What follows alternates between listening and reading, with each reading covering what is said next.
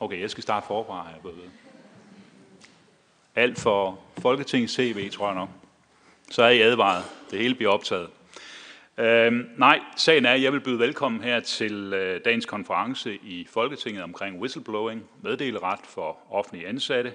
Øh, det er en øh, konference, som Retsudvalget og Folketingets ombudsmand afholder i fællesskab, og det er sådan lidt eksperiment, men jeg synes, at den øh, søgning, der har været til arrangementet, og jer mange tilhører, tyder på, at det kan da være, at det er noget, vi skal gøre en anden gang.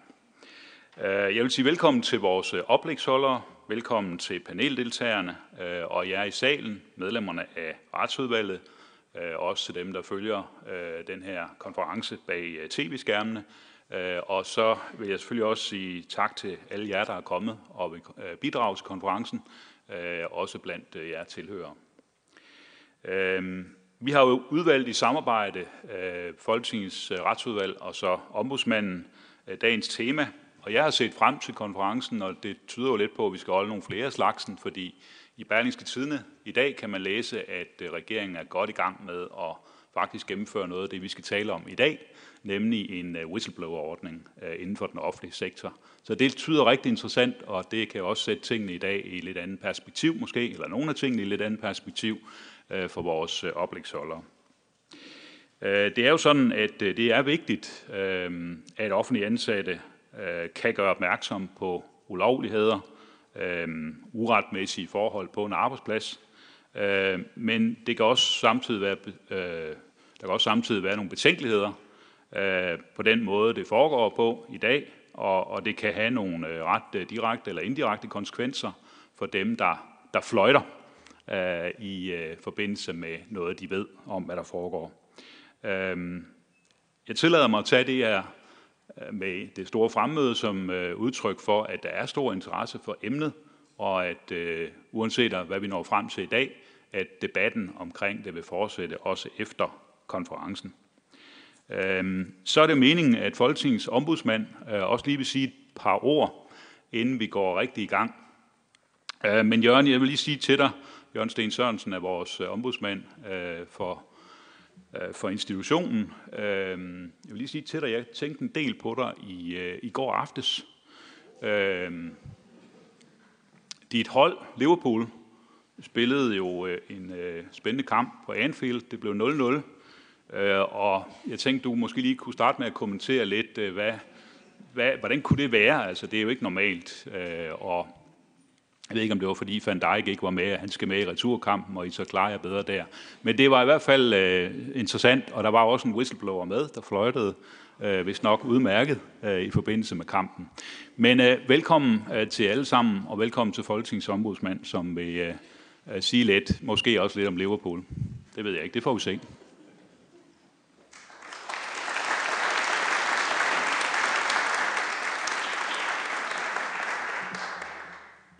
Mange tak til, til retsudvalgets formand. Jeg har jo 20 minutter til rådighed senere, og dem har jeg tænkt mig at bruge på den kamp, som formanden refererer til, øh, frem for tør jura og whistleblower-ordninger. Så hvis formanden er indstillet på det, så, så vil jeg disponere på, på den måde. Tak for ordet. Øh, tak til retsudvalgets øh, formand, og også velkommen til dagens øh, konference fra min egen og ombudsmandsinstitutionens side.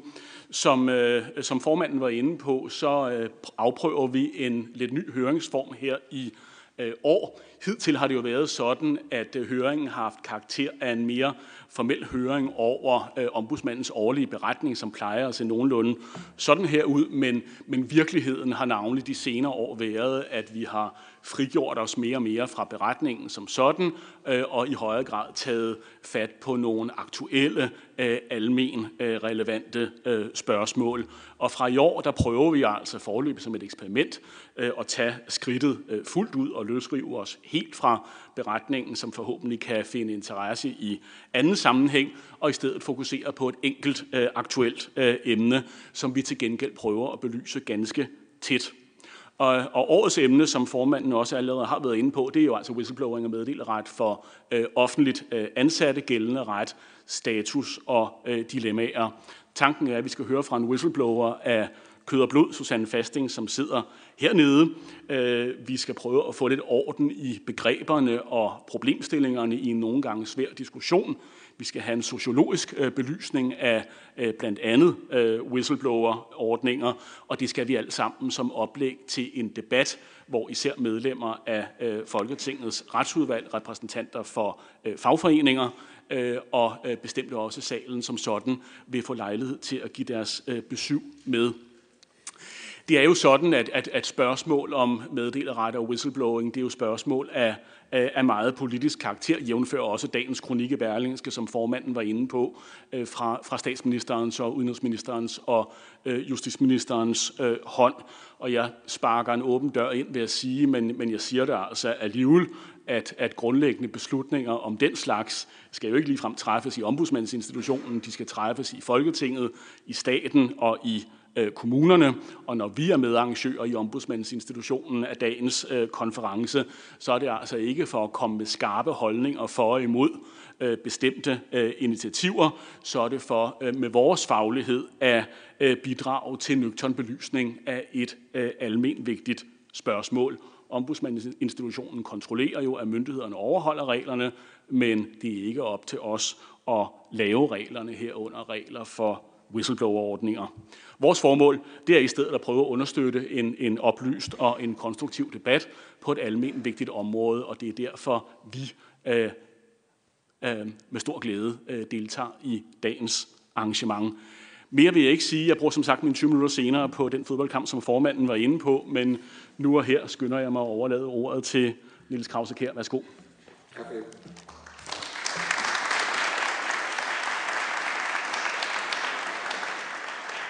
Jeg så sige modsat øh, formanden for retsudvalget og, og modsat ombudsmanden har jeg ikke tænkt på nogen af jer eller Liverpool i aftes. Øhm, min skæbne den er langt hårdere. Jeg kommer oprindeligt fra Aarhus af. Jeg har boet der hele mit liv indtil for nogle 10 år siden, hvor min kone og jeg flyttede herover. Og jeg tænkte, ud over at få tættere til, til mange ting, så var der yderligere en fordel, nemlig nu behøvede jeg ikke længere at holde med AGF. Og til min skræk opdagede jeg så efter nogle uger, at det gjorde jeg sgu stadigvæk. Ikke? Og det er faktisk ikke en særlig rar skæbne at pludselig finde ud af, at man er dømt til at holde med det forbandede hold resten af sit liv.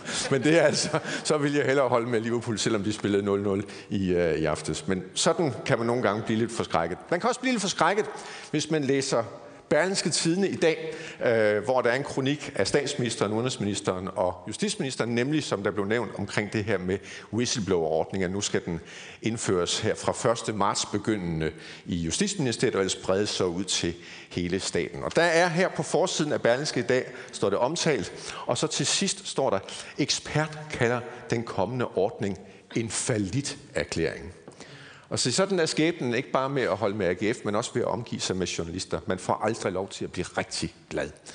Øhm, det er noget af det, vi skal diskutere i de næste par timer. Er det en erklæring, eller er der rent faktisk nogle perspektiver i det her? Programmet er, som øh, ombudsmanden var inde på, her den første times tid skal vi have lagt en makronbund til forståelse af, hvad er egentlig problemstillingerne.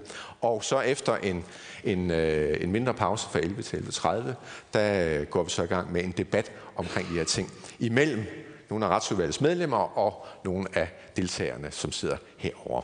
Den tid, den fornøjelse. Og på det tidspunkt, der vil vi også have sådan en vandrende mikrofon, så folk ligesom kan uh, deltage, I kan komme ind med spørgsmål og kommentarer til noget af det, vi har hørt.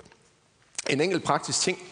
Det her er en mobiltelefon, og det er rent faktisk muligt. Det er sådan lidt forskelligt fra telefon til telefon, men den, man, kan enten, man kan slukke den, man kan også sætte den på lydløs, og man kan så finde ud af efter et par timer, når man tænder den igen, at verden står stadigvæk, man var ikke uundværlig, heller ikke i dag og i de her timer, som kommer nu. Så prøv lige at tjekke, at den rent faktisk er slukket, eller som minimum stillet på lydløs. Yes, nu skal vi i gang med selve, øh, selve programmet, og øh, det som vi begynder med, det er sådan at få en fornemmelse af, hvad det vil det egentlig sige at være whistleblower. Hvad er det for nogle, kan man sige, nogle mentale skridt, der skal tages, og hvad kan det få af konsekvenser, både på den gode måde og måske også på den knap så gode måde. Og øh, som ombudsmanden sagde, vi har egentlig blandt os Susanne Fasting fra Odense Kommune. Prøv at komme herop.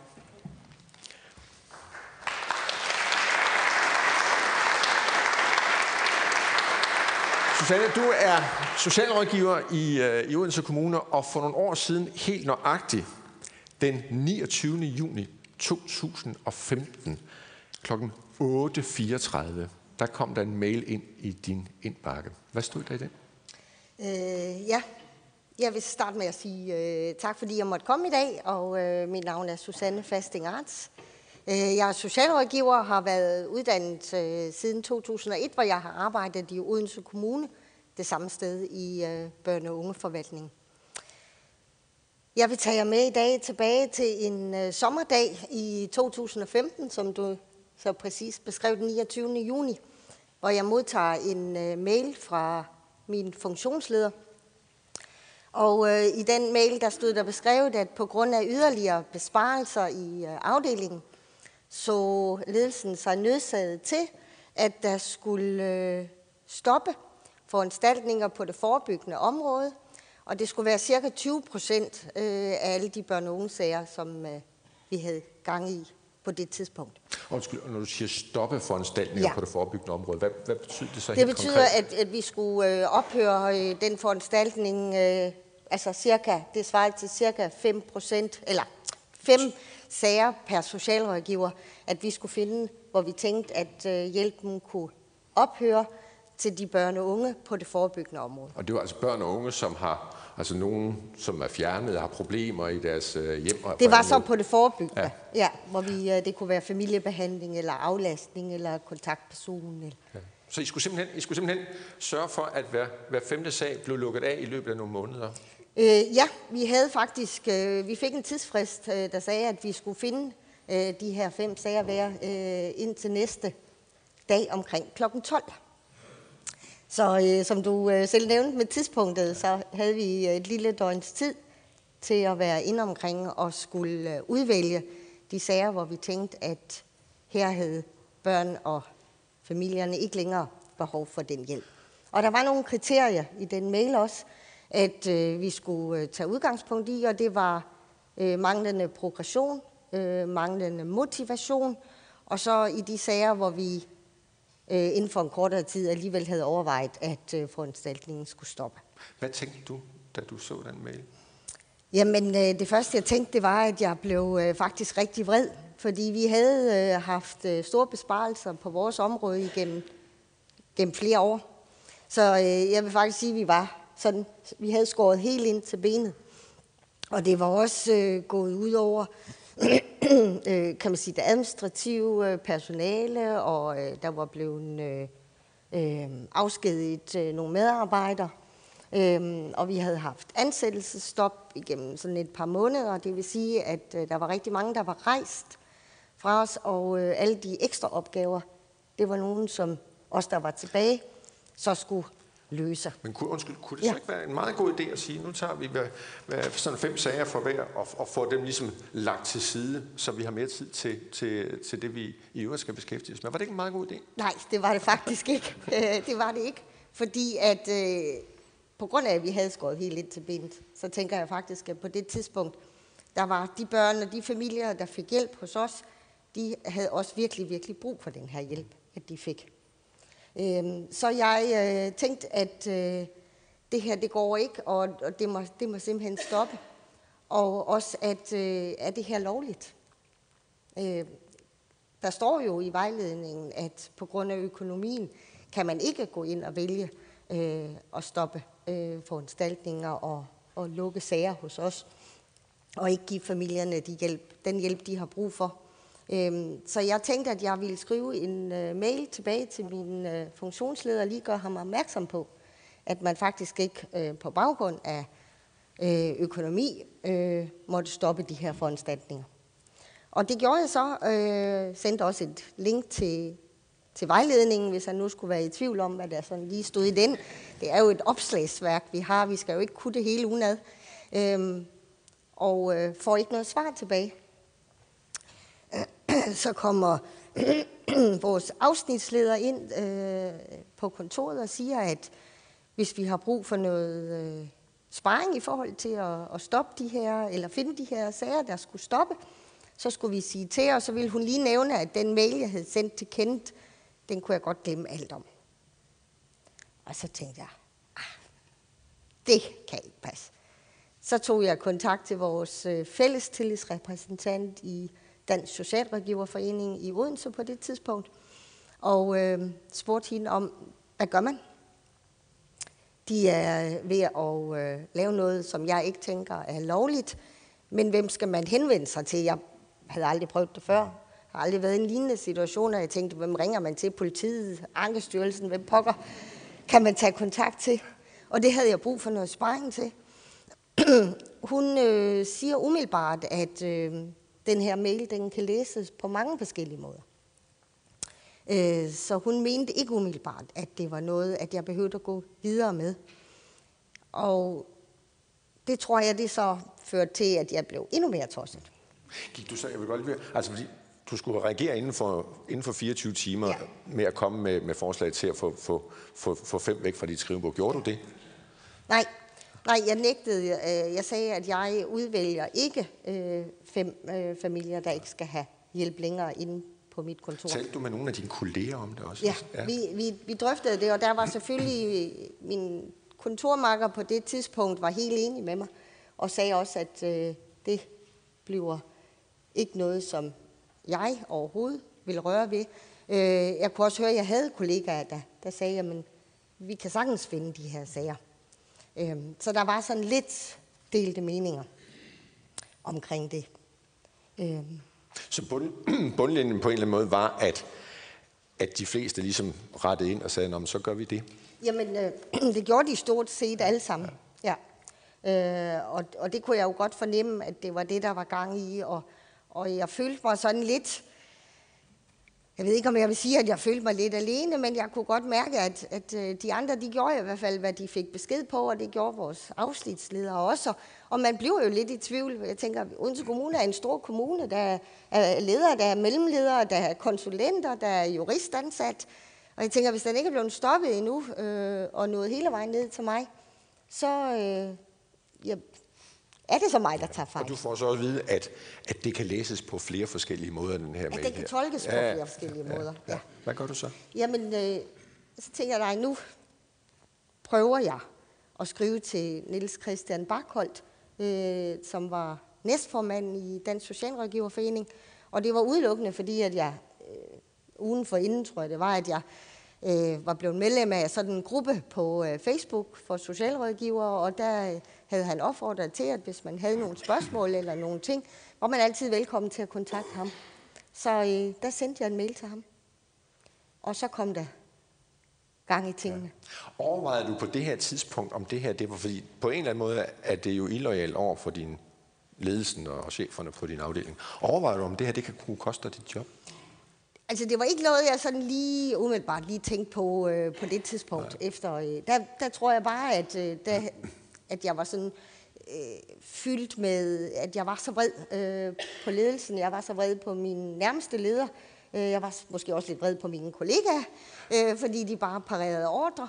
Og, øh, og jeg tænkte, øh, det her, det, jeg gider simpelthen ikke det her arbejde mere, så går jeg ind og lægger min opsigelse inde på min leders kontor, fordi det kan ikke passe. Det ikke nok med, at vi bliver presset, øh, og vi er, er stressede og øh, ikke kan overholde lovgivningen, fordi vi har så mange opgaver, men nu vil de også til at gå ud og tage hjælpen fra børn og deres familie. Var det noget, du snakkede om, når I sad sådan og drak kaffe på kontoret og med de andre kolleger sådan og sagt, nu har jeg gået til, nu har jeg skrevet en mail, og, og de siger, det kan heller ikke passe og sådan noget. Eller gik du alene med det? Øhm, jamen, jeg valgte at sådan set at gå sådan lidt stille med dørene. Øhm, og det gjorde jeg øh, faktisk for at passe på mine kollegaer. Øh, og der har jeg jo nok alligevel tænkt, at der var måske et eller andet, der, der sådan, øh, at jeg havde gjort noget, der måske ikke var helt øh, i orden. Øh, men jeg tænkte, at det var jo det, der skulle gøres. Og jeg gik ind til min øh, nærmeste leder og sagde, at øh, de skulle være opmærksom på, at jeg var gået videre med det, og at øh, der var nogle andre, der tog over på. Ja. Så det ville jeg i hvert fald bare have, at de skulle vide. For jeg tænkte, at jeg ville gerne være ærlig og troværdig, også øh, i forhold til min ledelse. Og der går så, kan man sige, fra det tidspunkt kl. 8.34 den 29. juni, hvor den her mail kommer, der går så knap et par måneder, tror jeg det er, ja. før at den så kan man sige, hele sagen er, er, er, er bygget op, øh, og den begynder at rulle i medierne. Og der står du rent faktisk frem Ja. som, kan man sige, som whistlebloweren øh, og fortæller og forklarer på, på, på landsdækkende medie, hvad det her øh, det går ud på. Hvad, hvad, hvilken reaktion får du fra dine kolleger på det tidspunkt? Jamen, øh, faktisk så var det sådan, at jeg havde faktisk ikke sådan selv regnet med, at det var mig, der sådan ligefrem skulle stå frem på, på åben skærm øh, med det her. Fordi at øh, jeg tænkte, der var nogen, der var meget bedre til at kunne øh, formulere sig, meget bedre til at få beskrevet øh, det, der skulle beskrives og siges. Øhm, så jeg havde faktisk tænkt, at det skulle være en helt anden øh, til jer, eller der var... Man har jo altid nogen i afdelingen, der er bedre til at have ordene i, i deres magt. Men øh, jeg fandt jo så ud af, at øh, der var ikke nogen, der ville stå frem. Øhm, og der blev jeg jo så kontaktet, og så blev det jo mig, der kom til at stå frem.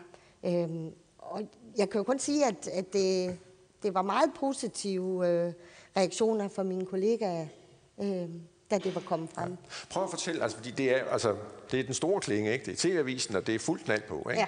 Ja. Øh, altså, hvad, næste morgen, altså, hvad, Ja. altså, hvad er reaktionen? Hvad, hvad sker der? Næste morgen, der øh, kørte jeg på arbejde med rigtig, rigtig ondt i maven. Øh, fordi der var, kan man jo nok sige, måske alvoren gået lidt op for mig. At jeg tænkte, at øh, ja, så er det nu, og det er kommet ud, og, og alle ved det, og jeg gik med min lille computer, jeg havde med derhjemme, og det eneste, jeg bare tænkte, det var, jeg håber, at de ikke tager min computer fra mig lige med det samme. Du troede simpelthen, at, Ja, at der- der røg dit job? Der, der tænkte jeg, at nu kommer jeg op, og så beder de mig om at aflevere mine ting, og, og så gå igen. Og jeg tænkte bare, det, det, jeg, jeg er bagud med så meget administrativ arbejde, og mine handleplaner, og mine børnefaglige undersøgelser, og jeg tænkte, det går ikke, det går ikke. De skal i det mindste give mig en chance for at gøre arbejdet færdigt. Og der havde jeg, altså på det tidspunkt havde jeg gjort op med mig selv, at øh, jeg, jeg gad ikke øh, at bruge min tid. Jeg elsker mit arbejde. Jeg har jo også, som sagt, jeg arbejder der jo stadigvæk og har været der siden 2001. Men der var alt for meget pres på. Øh, vi kunne ikke gøre vores arbejde ordentligt. Vi kunne ikke hjælpe vores familier og, og børnene ordentligt. Så jeg havde besluttet mig for, at så søger jeg et job nede i vores fakta, de søgte. Og så tænkte jeg, at det vil være lige meget, om jeg er syg, eller jeg har en fridag. Der er aldrig dobbelt så mange varer på båndet, eller dobbelt så mange en lang kø ved kassen. Så jeg tænkte, det er lige mig. Så du havde, du havde altså mentalt indstillet dig Jeg på, at nu var mentalt- det slut med at at være socialrådgiver? Ja, i hvert fald der. ja. ja. Og så kommer du så ind, og de tager ikke din computer. Nej. Hvad sker der? Nej, det gør de ikke.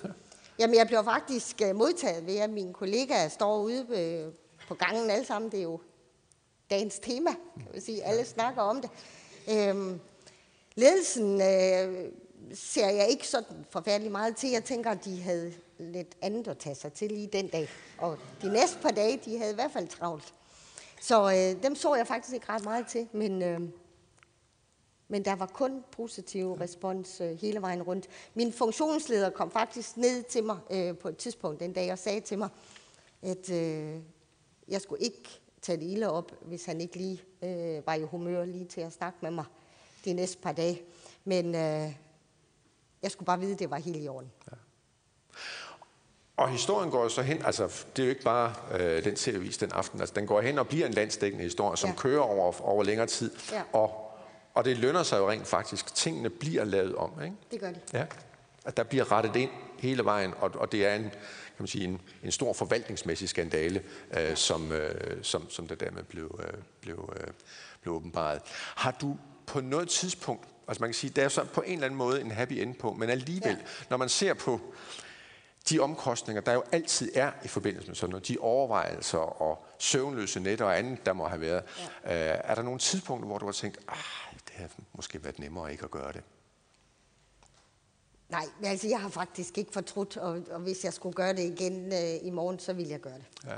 Har, det haft, har, har det i øvrigt haft nogle konsekvenser for dig? Ja, altså det, det havde det. Det, det. det havde det, fordi at det, øh, det endte med, at jeg blev øh, sygemeldt i øh, november måned. At jeg gik øh, helt ned med stress. øh, Altså vi snakker, hvis vi lige får kronologien, det Ja. var i, i slutningen af juni, at, Ja. at mailen kom. Kom det var i i august, at du august. gik i TV-avisen, Ja. og hvor det hele ruller, Ja. og det så bliver november, hvor du bliver sygemeldt. Ja. Og jeg tror, at øh, jeg blev ikke behandlet pænt på min arbejdsplads Af hvem? af min nærmeste leder. Men, øh, Undskyld, på, ja, på, hvordan det? Jamen, det, ja, det var ikke som sådan, øh, tænker jeg, en konsekvens af måske, at jeg var gået ud øh, med det her i medierne.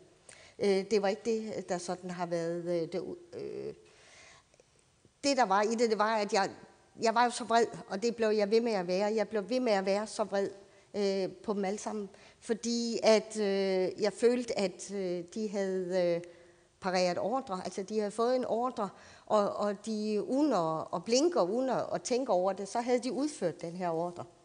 Øhm, og jeg var bare jeg var så vred. Jeg, det er bare det eneste, jeg sådan kan beskrive, at det var sådan en, en vrede, der var inde i mig, at, at jeg bare tænkte, det kan I fandme ikke være bekendt. Altså også dine, dine nærmeste kolleger og, ja, dem, der og havde, gode venner og ja, sådan noget? Ja, ja. ja. Jeg tænkte faktisk, I, det, I kan simpelthen ikke være det bekendt. Nej. Og, øhm, var, fornemmede du på en, fordi nogle gange kan man jo godt, sådan hvis, hvis, øh, at, at, hvis man har sådan nogle følelser, så kan man godt opfange, at der er også nogle reaktioner på den anden side. Var de flove? Kiggede de ned i jorden? Eller, Nej, altså, det var Nej, de ikke. det var de ikke. Nej. Nej. Jeg, måske oplevede jeg nærmest, at der var nogen, der var sådan lidt irriteret på mig over, at nu havde de lavet et kæmpe stykke arbejde, fordi der var jo blevet arbejdet gennem hele sommeren med at lave afgørelser og sende ud til familierne og øh, lukke de her sager og kontakt til samarbejdspartnere og opsige kontrakter og sådan noget.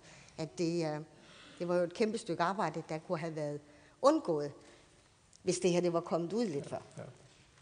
Så du bliver så sygemeldt i november. Ja. Øh, og, og, og, altså, hvad er konsekvensen? Hvor længe, hvor længe står det på? Jamen, jeg blev øh, sygemeldt øh, november, og så resten af december måned, og så øh, besluttede jeg mig for, at øh, jeg den første mandag i januar tog hen på øh, min arbejdsplads igen, for jeg tænkte, de skulle ikke få skovlen under mig.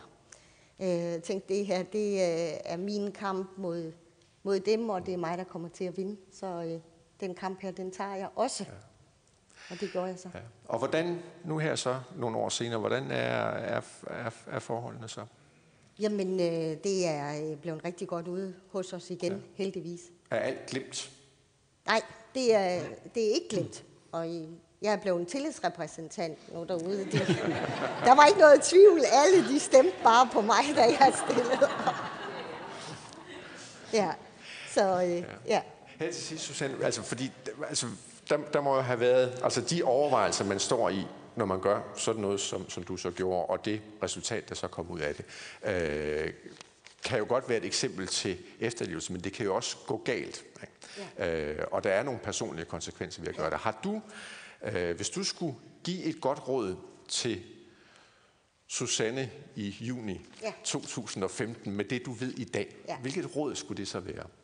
Så ville jeg helt sikkert give mig selv det råd, at jeg ikke skulle stå med det hele alene, som jeg valgte at gøre. Og jeg valgte jo at gøre det, fordi at jeg var bange for konsekvenserne, og tænkte, at hvorfor var vi flere, der skulle blive udsat for den samme konsekvens, i stedet for at jeg kunne påtage mig det ansvar. Jeg ville sige til mig selv, at øh, gå sammen med flere, øh, kontakt ens tillidsrepræsentant, så man kan få fagforeningen med os, fordi at uanset hvordan at vi vender og drejer det, så gør vi det bare stærkere, når vi står sammen.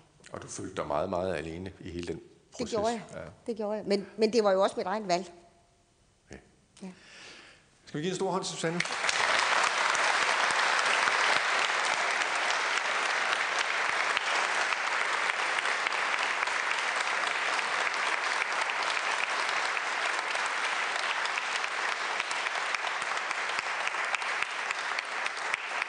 Tak til tillidsrepræsentant Susanne Fasting. Og øh, nu skal vi noget, som mange har ventet på, nemlig høre lidt også om Liverpools fatale 0-0-kamp i, øh, i aftes.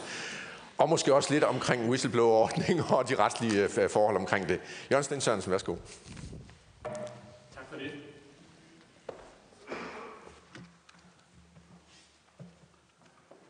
Er, som det er, som det er stipuleret netop. Tak for ordet, øhm, og tak til Susanne Fasting for at stille op her. Det er utrolig nyttigt at høre dine oplevelser og erfaringer med egne, med egne mennesker. Vi ved, det ikke er nogen lille ting for dig at komme her i, i dag. Jeg følger op, selvom det ikke er nogen helt taknemmelig opgave at komme efter øh, Susanne, men jeg gør det ved at øh, sætte en lidt mere øh, overordnet øh, ramme øh, for øh, den diskussion, vi skal have resten af dagen over temaet meddeleret og øh, whistleblower-ordninger øh, for offentligt øh, ansatte. Øh, og jeg vil begynde med at gøre det ved at prøve at sige lidt om nogle udtryk og begreber, som ofte anvendes øh, i den her øh, diskussion. Det er nemlig sådan, at når man taler om meddeleret og whistleblower-ordninger, så er der nogle udtryk og begreber, der har det med at gå igen, men jeg tror, det er rimeligt at sige, at de bruges lidt i flæng og ofte lidt uklart, og det er jo sådan, at hvis man skal diskutere vigtige problemstillinger, så er det nødvendigt at have et vist fælles sprog, sådan så man nogenlunde forstår, hvad øh, den anden part øh, mener øh, med det, som han eller hun siger. Og derfor vil jeg begynde at sige lidt om tre udtryk og begreber, som går igen i den her diskussion. Det første, det er offentlig ansattes ytringsfrihed. Det andet, det er offentlig ansattes meddeleret. Og det tredje, det er whistleblower-ordninger øh, for offentligt øh, ansatte. Hvad, hvad mener vi egentlig med de udtryk? Øh, og det har jeg selvfølgelig ikke monopol øh, på at beslutte, hvad forskellige mennesker mener med de øh, ord, øh, men der er nu nok et vist vedtaget fagsprog på det her område, som kan være meget godt at have styr på, så man ved, hvad hver især taler om. Se, når man taler om offentligt ansattes ytringsfrihed, så taler man i reglen om en ret for offentligt ansatte, som skrevet står her, til offentligt at fremkomme med meningstilkendegivelser, altså meningstilkendegivelser, for eksempel øh, om forholdene på deres arbejdsplads.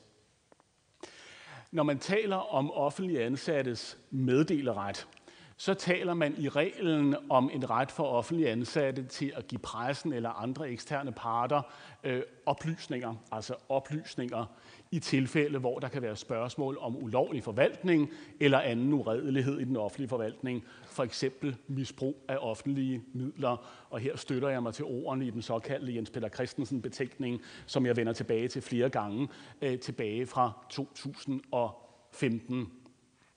Når man så taler om whistleblower-ordninger for offentlige ansatte, hvad mener man så?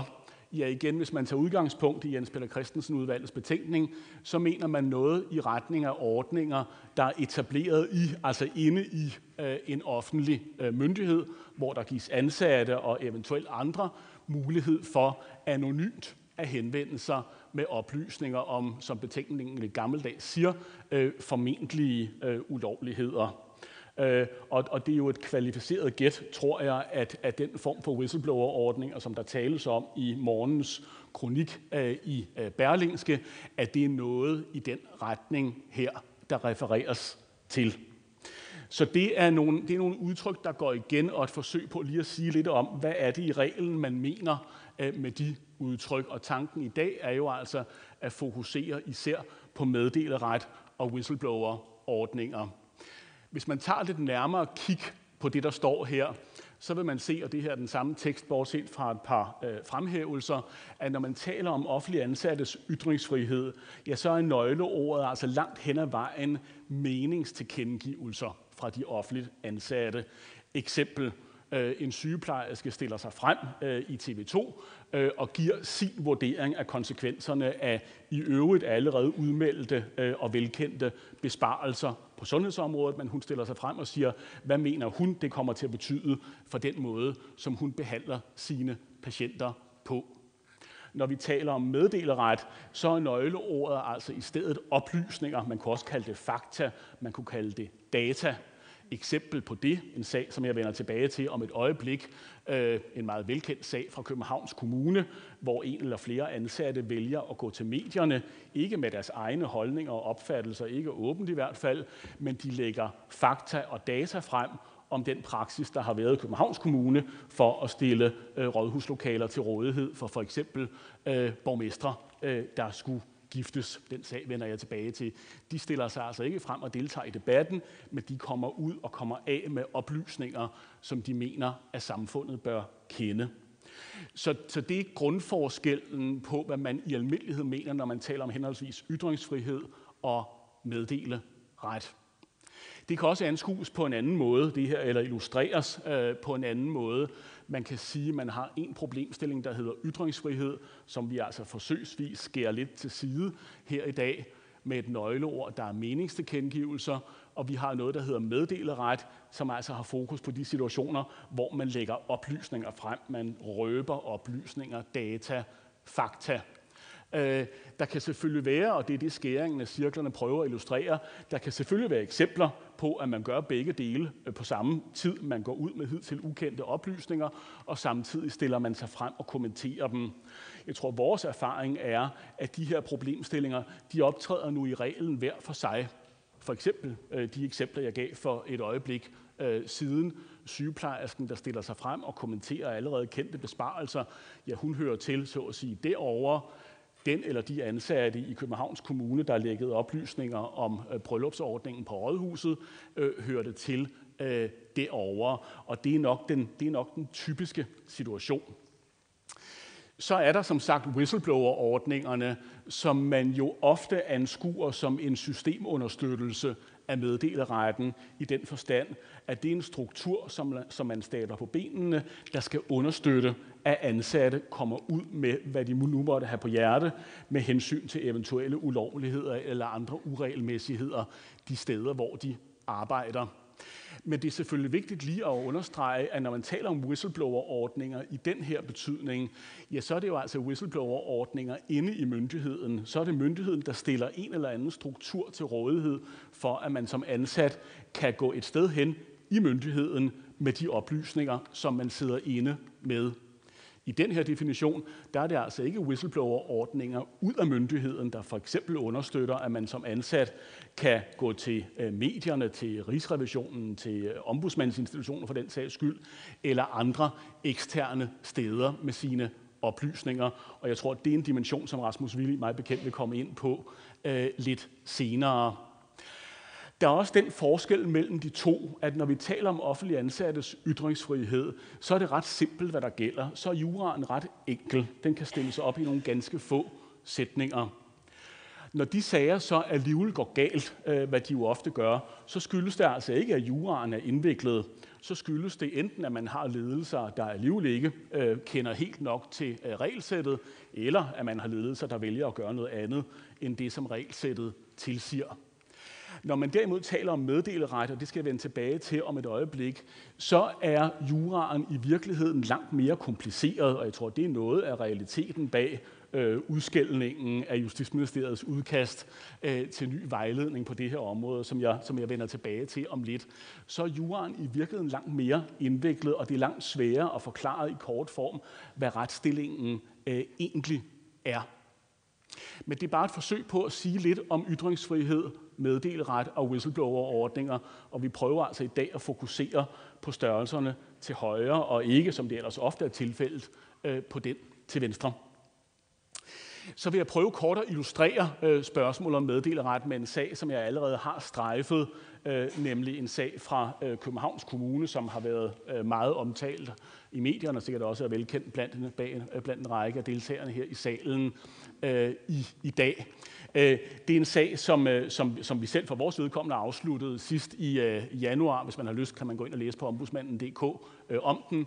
Den handlede jo altså i kort form, i kort form om, at der var en eller flere ansatte i Københavns Kommune, der gik til medierne og lagde oplysninger frem, altså røbede, lækkede, om man vil, øh, oplysninger om øh, kommunens afholdelse af udgifter til den tidligere øh, integrations- og beskæftigelsesborgmesters bryllupsreception på Rådhuset. Når vi gik ind i sagen, så var det fordi, da den kom frem, altså da oplysningerne kom frem, øh, så gik Københavns Kommune på ledelsesplan ud med nogle forholdsvis markante øh, udmeldinger. Øh, man sagde, at øh, som offentlig ansat skal man være påpasselig i sin omgang med interne dokumenter. Til man sige, det skal man vel også, men det havde nok en særlig betydning lige i den her øh, sammenhæng. Man sagde, at det var fuldstændig uacceptabelt, øh, hvad de ansatte havde gjort, og man sagde, at hvis de blev identificeret, øh, så ville de blive øh, i rette sat. Det var for så vidt en ordentlig mundfuld, og det var altså baggrunden for, at vi gik ind i sagen. Den konkrete sag, den er nu løst, for det forhold, at vi gik ind i den, det gav jo Københavns Kommune anledning og lejlighed til at genoverveje sagen, og det gjorde man meget grundigt og, og nøgternt, og endte med at sige nej, det var ikke uacceptabelt. Øh, det, som den pågældende medarbejder gjorde, det var for så vidt helt øh, øh, i orden. Og nej, hvis den pågældende en dag måtte blive identificeret, så ville vedkommende ikke blive i rettesat. Så den konkrete sag, den er altså for så vidt nu løst. Ikke desto mindre, så var det sådan, at når man dykkede ned i sagen og juraen i sagen, så kunne man se, at det her med, hvad der egentlig gælder, når vi taler om meddeleret, hvornår man egentlig må gå ud og lægge eller røbe eller videregive oplysninger, fakta, data, det er egentlig ikke så enkelt øh, i alle tilfælde. Og derfor gjorde vi det, som vi ofte gør i den her type situationer, at vi rettede henvendelse til Øh, Justitsministeriet, som jo er den centralt ansvarlige regeringsmyndighed på området, og spurgte, om der kunne være grund til at få afklaret, hvad der egentlig gælder øh, inden for det her område. Og hvis man prøver at springe derfra og til at snakke lidt om, ja, ja hvad, hvad, hvad gælder der så egentlig? Hvad gælder der egentlig om meddeleret? Så kan man i hvert fald som det første konstatere, at der gælder ikke nogen specifik lovgivning. Vi har ikke nogen almindelig lovgivning her i landet om meddeleret. Vi har nogle spredte bestemmelser rundt omkring i lovgivningen, for eksempel i straffelovens paragraf 152, som siger, at hvis man er offentlig ansat, så må man som udgangspunkt ikke gå og dele ud af fortrolige oplysninger, men det må man alligevel godt, hvis man handler, hvis man handler i det, som loven kalder for berettiget varetagelse af, af åbenbar almen interesse. Et, et vanskeligt udtryk, unægteligt. Men vi har ikke nogen generel lovgivning på området.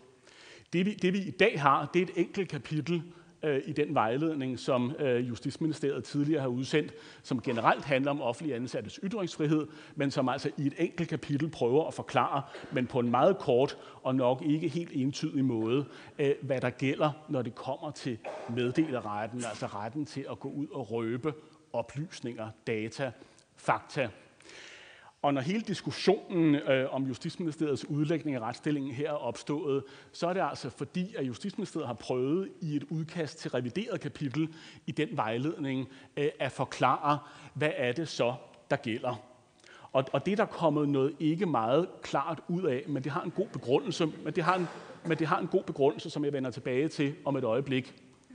Hvis man skal prøve at koge det helt ned, så det Justitsministeriet siger, det er, hvis man vil gå ud og lægge oplysninger i en situation, hvor der kan være et reelt spørgsmål om, at der foregår noget ulovligt i myndigheden, så er udgangspunktet, at det må man godt. Det er i orden. Øh, det er et led i meddeleretten.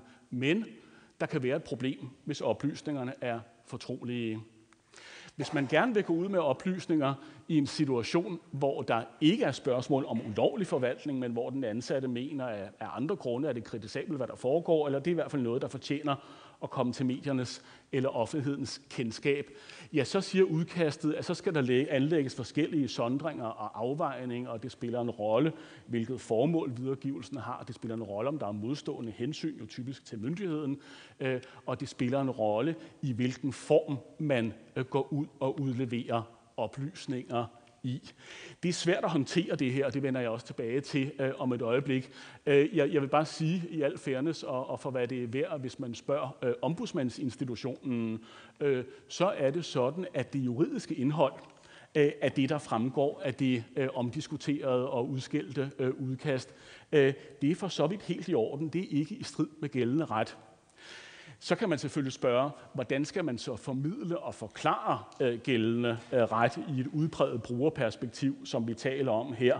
Det er en anden diskussion, og det er måske navnligt derfor, øh, øh, striden er, er opstået. Men, men fagligheden i det, som Justitsministeriet har præsenteret, hvis man spørger os, øh, den er i orden.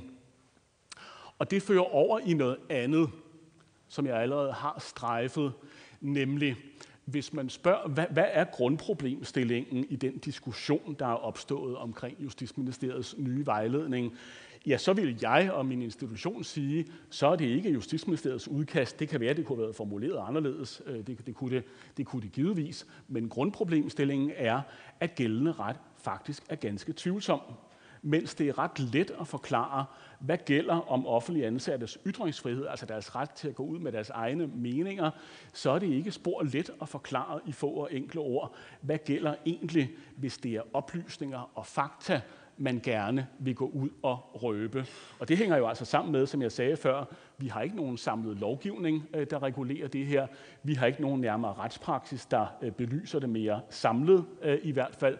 Man må prøve at plukke lidt, hvor man kan i forskellige retskilder, og så får man meget hurtigt lidt et juridisk øh, kludetæppe. Øh, og det er derfor, at Justitsministeriets udkast flyder med ord som øh, konkret vurdering, afvejning af modstående hensyn, skøn, afvejningen vil kunne stille sig anderledes i nogle situationer end andre, der for så vidt efter vores bedømmelse er juridisk helt korrekt, men selvfølgelig uhyre vanskeligt at anvende i praksis øh, for den øh, socialrådgiver, øh, socioassistent, skolelærer, der måtte stå i situationen og spørge sig selv, øh, tør jeg eller tør jeg ikke? Øh, bliver jeg en held eller kommer jeg i fængsel? Øh, I den situation er det her selvfølgelig noget svært noget, men det kan altså grundlæggende føres tilbage til, at man har aldrig fået en lovgivningsmæssig afklaring øh, af de her spørgsmål. Så det er ikke så let endda at sige, hvad er egentlig den juridiske stilling øh, i forskellige situationer på det her område. Så siger jeg, og jeg nærmer mig øh, slutningen, så siger jeg et par ord om øh, whistleblower-ordninger. Jeg har allerede prøvet at forklare, hvad man i almindelighed øh, lægger i de her udtryk. Også på det punkt kan man sige, at det har vi ikke nogen generelle regelsæt om her i landet. Ligesom vi ikke har en generel lovgivning om meddeleret, så har vi heller ikke en generel lovgivning øh, om øh, whistleblower-ordninger. Vi ved, at der er et EU-direktiv, der er under forhandling, som øh, kommissionen fremsatte sidste år, og som i øjeblikket forhandles under det øh, rumænske øh, formandskab, men øh, hvornår det bliver vedtaget og med hvilket indhold, det tror jeg ikke, der er nogen, der ved i talestund. Øh, jeg gør i hvert fald ikke. Øh, så vi har ikke noget generelt regelsæt om det her i dag. Men man har overvejet det øh, mere samlet i forskellige øh, sammenhænge. Det gjorde man øh, senest, øh, og i det, og nu refererer jeg til det igen, det såkaldte Jens Peter Christensen-udvalg tilbage øh, i 2015. Der var holdningen jo altså, der skal ikke indføres lovgivning øh, om det her, og der skal ikke være noget almindeligt pålæg til offentlige myndigheder om at etablere whistleblower-ordninger. Behovene kan være meget forskellige i forskellige myndigheder, øh, og der er ikke grund til at lægge en samlet model ned over alle myndigheder. Det må myndighederne grundlæggende selv finde ud af. Men man prøvede at opstille øh, sit bedste bud på, hvad der kunne ses som fordele, henholdsvis ulemper ved at have whistleblower-ordninger, altså interne whistleblower-ordninger i myndighederne. Øh, som fordele, ja, der pegede man på meget naturligt, øh, at det kunne jo øge og understøtte brugen af meddeleretten uden frygt for konsekvenser. Fordi hvis man stiller en ordning til rådighed, hvor man anonymt kan gå ud, øh, kan gå til andre i myndigheden og øh, give oplysninger fra sig frem for at skulle stå frem med åbent ansigt, ja, så vil det nok, så vil det nok understøtte brugen af meddeleret. Man sagde også, at det kunne tænkes at give bedre grundlag for demokratisk kontrol og debat, fordi jo flere sager, der kom frem i kraft af whistleblower-ordninger, jo bedre grundlag ville der være for at debattere, for eksempel om tingene egentlig er, som vi gerne vil have dem i den offentlige forvaltning, og navnlig om de er lovlige øh, eller ej. Man sagde også, øh, at det kunne styrke øh, troværdigheden øh, for myndighederne, det forhold, at myndighederne altså selv stabler et apparat på benene, der opfordrer til at komme med de problematiske sager under betryggende former. Det kunne kun styrke troværdigheden i myndighederne. Som ulemper Ja, der pegede man blandt andet på, at det her kunne jo i realiteten se som en opfordring til anonymitet øh, frem for øh, åbenhed. Det er altid lettere at være anonym øh, frem for ikke at være anonym, og, vi, og var det i virkeligheden en anonymitetskultur, man fremprovokerede med den her type ordninger.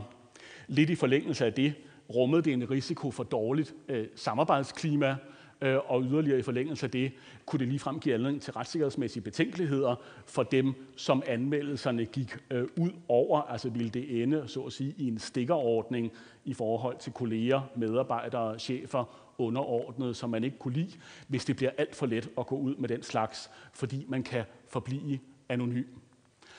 Man sagde også, at der, og det gælder nok også i dag, øh, at det, det er meget spinkle erfaringer, man har med det her herhjemme. Det er spredt og sporadisk, hvad man har af whistleblower-ordninger.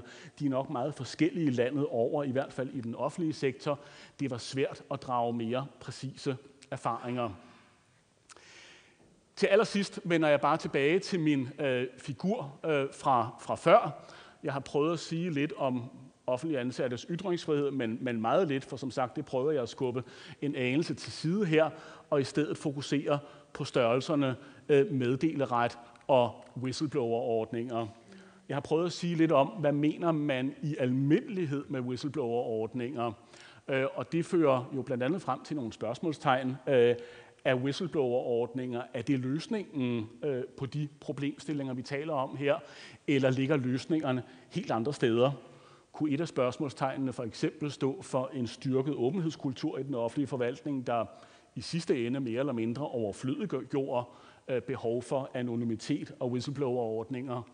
Kunne et andet af spørgsmålstegnene stå for en styrket øh, ansættelsesretlig øh, beskyttelse af dem, der vælger at gå ud? Skal man sikre dem bedre mod for eksempel afskedelse eller forflyttelse eller andre ubehageligheder? Og kunne et tredje spørgsmålstegn eventuelt stå for whistleblower-ordninger i en helt anden mening end den, hvor man typisk bruger den, altså ikke som ordninger, der bliver stillet til rådighed inde i myndigheden, men ordninger, som understøtter, at de ansatte kan gå ud af myndigheden, for eksempel til medier eller, øh, øh, eller eksterne kontrolinstanser, uden at risikere noget. Det er nogle af de spørgsmål, som jeg tror, man, kan, man i hvert fald med mening kan rejse, hvad man så ender med at have af holdning øh, til de spørgsmål. Og jeg har altså bare prøvet at stable et lille skelet øh, på benene til at forstå lidt om begrebsanvendelsen, og hvad der hidtil har været gjort af overvejelser om fordele og ulemper og, og eventuelt alternative øh, løsninger i forhold til øh, interne whistleblower-ordninger, som senest, som jeg forstår det, skitseret i morgens øh, kronik fra øh, statsministeren, udenrigsministeren og øh, justitsministeren. Så jeg håber, det her kan være et lille bidrag øh, til debatten resten af dagen, og tak for ordet.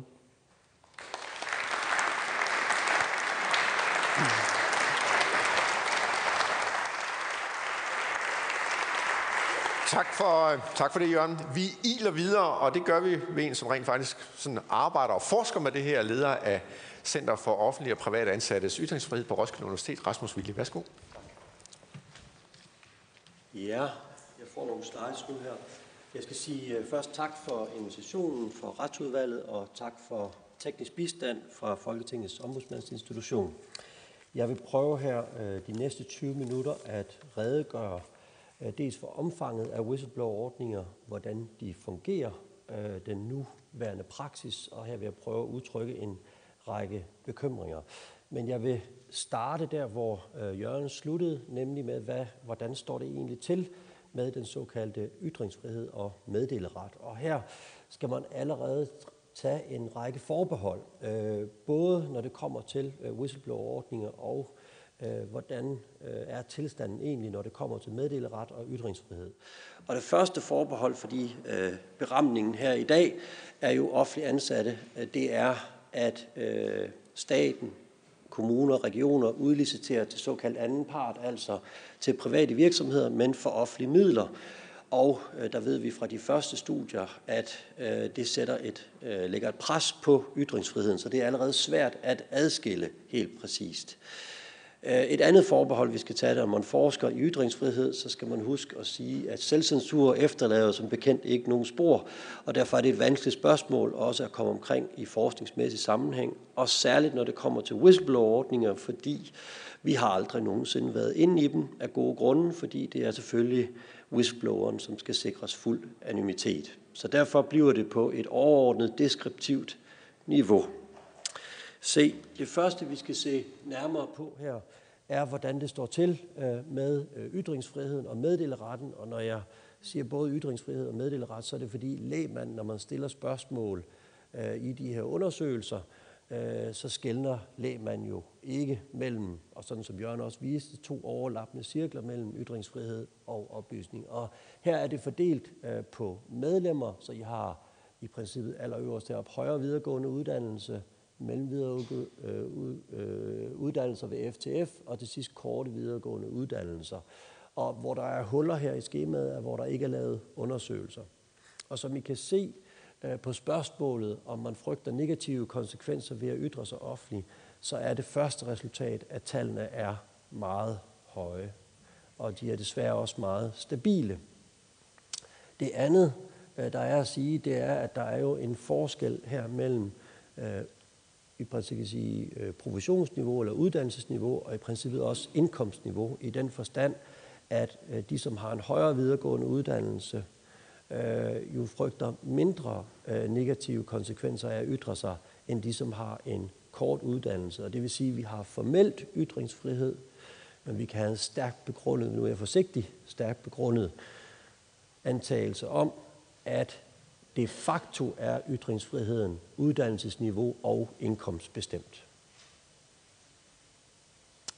Det andet, øh, vi kan se, øh, og som vi også kan se, hvis man går lidt længere tilbage her, ikke så mange øh, undersøgelser, men det er, I kan se herovre ved 2017, så falder det lidt øh, både for øh, FORAs medlemmer og for Dansk Magisterforenings medlemmer, og det øh, har vi også kunne se i tidligere undersøgelser, det er, at nu er vi inde i en højkonjunktur, og så har man mindre at risikere, at der er altså en højere grad af oplevet sikkerhed på arbejdsmarkedet, medfører, at man er mere tilbøjelig til at ytre sig, da konsekvenserne er mindre af frygt for, øh, at ens karriere går i stå, eller sågar blive afskediget på grund af sine ytringer. Hvis man går tilbage til øh, tidligere undersøgelser, altså før finanskrisen, så vil man se, at øh, der sker et par procentpoint stigning, netop fordi, at der er selvfølgelig mere at miste, øh, hvis man kommer ud øh, på et arbejdsmarked, hvor der er høj grad af arbejdsløshed. For social- og sundhedsassistenterne her i den nederste del vil I se, øh, øh, at der er sige, det største fald, og det skyldes, at det er nu den mest eftertragtede gruppe, næst sammen med sygeplejerskerne. Der er et voldsomt behov for social- og sundhedsassistenter, de kan altså for arbejde meget hurtigt, men læg mærke til, at tallet er ekstremt højt.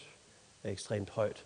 Jeg skal også sige, at her er det både offentlige og private ansatte heroppe i samlede grupper, men overvejende langt flest offentlige ansatte i de her samlede undersøgelser. Så forbeholdet er også her, at når man lægger så mange forskellige undersøgelser sammen, spørgsmålene er stillet på nogenlunde samme måde, så, så skal man alligevel tage et vist forbehold. Ud af den andel, som frygter negative konsekvenser ved at ytre sig eller benytte sig af sin meddeleret, øh, der vil I også se, øh, altså den andel, som i princippet frygter en reelt afskedelse, er øh, meget høj. Men det er altså andelen af dem, som først har ytret, at det er negative konsekvenser, så det er, ikke, det er ikke den samlede population, vi har at gøre med her. Det er, det er meget væsentligt at, at sige. Ja, hvordan står det til med antal registrerede whistleblower-ordninger? Og vi har ved hjælp af en øh, agtindsigt her for øh, øh, nogle måneder siden øh, fået øh, adgang til øh, øh, en kortlægning af, øh, hvor mange der er kommet. Og øh, der er i alt, I kan ikke se det samlede tal heroppe, men det er for den private sektor øh, 665 whistleblower-ordninger, og der kan man vel godt tale om en mindre eksplosion på meget, meget kort tid. Så vi har altså fået øh, rigtig mange whistleblower-ordninger øh, i den øh, private sektor. Og igen skal jeg sige, at der er jo øh, lang, øh, en række af de her virksomheder, som udfører opgaver øh, for øh, offentlige øh, midler. Så kommer vi til det offentlige, som er omdrejningspunktet øh, i dag, og her er det altså et øh, skøn, øh, fordi øh, offentlige whistleblower-ordninger øh, har ikke en øh, anmeldelsespligt, og derfor er det altså efter bedste besøg øh, Google, der er blevet brugt her, og selvfølgelig fordi vi har siddet med det øh, i nogle år nu, øh, og øh, øh, vi kan så, vi ved, at fra i dag, øh, det her, det er, det er jo blevet bekendtgjort, at øh, Justitsministeriet har tidligere varslet, at staten skulle have en whistleblower-ordning, men den er altså ikke medtaget her. Men som vi også kan se i dagens kronik i øh, Berlingske, så øh, øh, kan det jo være, at det vil nærme sig en fordobling, for der er altså kun 15 her, men med på meget, meget øh, kort øh, tid. Ja, hvordan fungerer sådan en whistleblower-ordning? Og øh, I har herover øh, på jeres øh, venstre side en afsender, som oplever et særligt kritisabelt øh, forhold, øh, særlige oplysninger, og data, øh, Øh, eller øh, det kan jo også være en meningstilkendegivelse, som kommer ind i en øh, whistleblower-ordning, og øh, det, er, det er faktisk taget øh, herfra, som man siger, et gennemsnit af den, den, den næste boks her, af de virksomheder, som sælger øh, disse ordninger. Øh, det skal vi også huske på, at øh, de er forholdsvis øh, dyre i drift. De er ikke helt billige, men det typiske er altså, at man ved hjælp af en online formular, krypteret, Øh, sådan er det også i det offentlige og i langt øh, de fleste tilfælde i det private, øh, øh, skriver ind anonymiseret, og man vil også typisk øh, kunne vælge, hvorvidt man vil være anonymiseret eller ej, eller man kan vælge, øh, hvorvidt man ønsker at kommunikere om den pågældende information eller oplysninger, øh, man sender ind igennem whistleblower-systemet. Øh, for private virksomheder, øh, når det så er kommet ind igennem systemet, der benyttes der oftest en advokat, øh, en advokat eller så tilgår informationen i princippet øh, virksomhedens ledelse eller øh, bestyrelse. Og det er en ret vigtig pointe allerede her, som jeg vil vende tilbage til, nemlig det forhold, at det er jo øh, en arbejdsgiver øh, drevet ordning. Øh, for offentlige institutioner, der tilgår informationen for eksempel en tilsynsmyndighed. Øh, det kunne, øh, eller det er også for Københavns Kommunes vedkommende en ombudsmandsinstitution.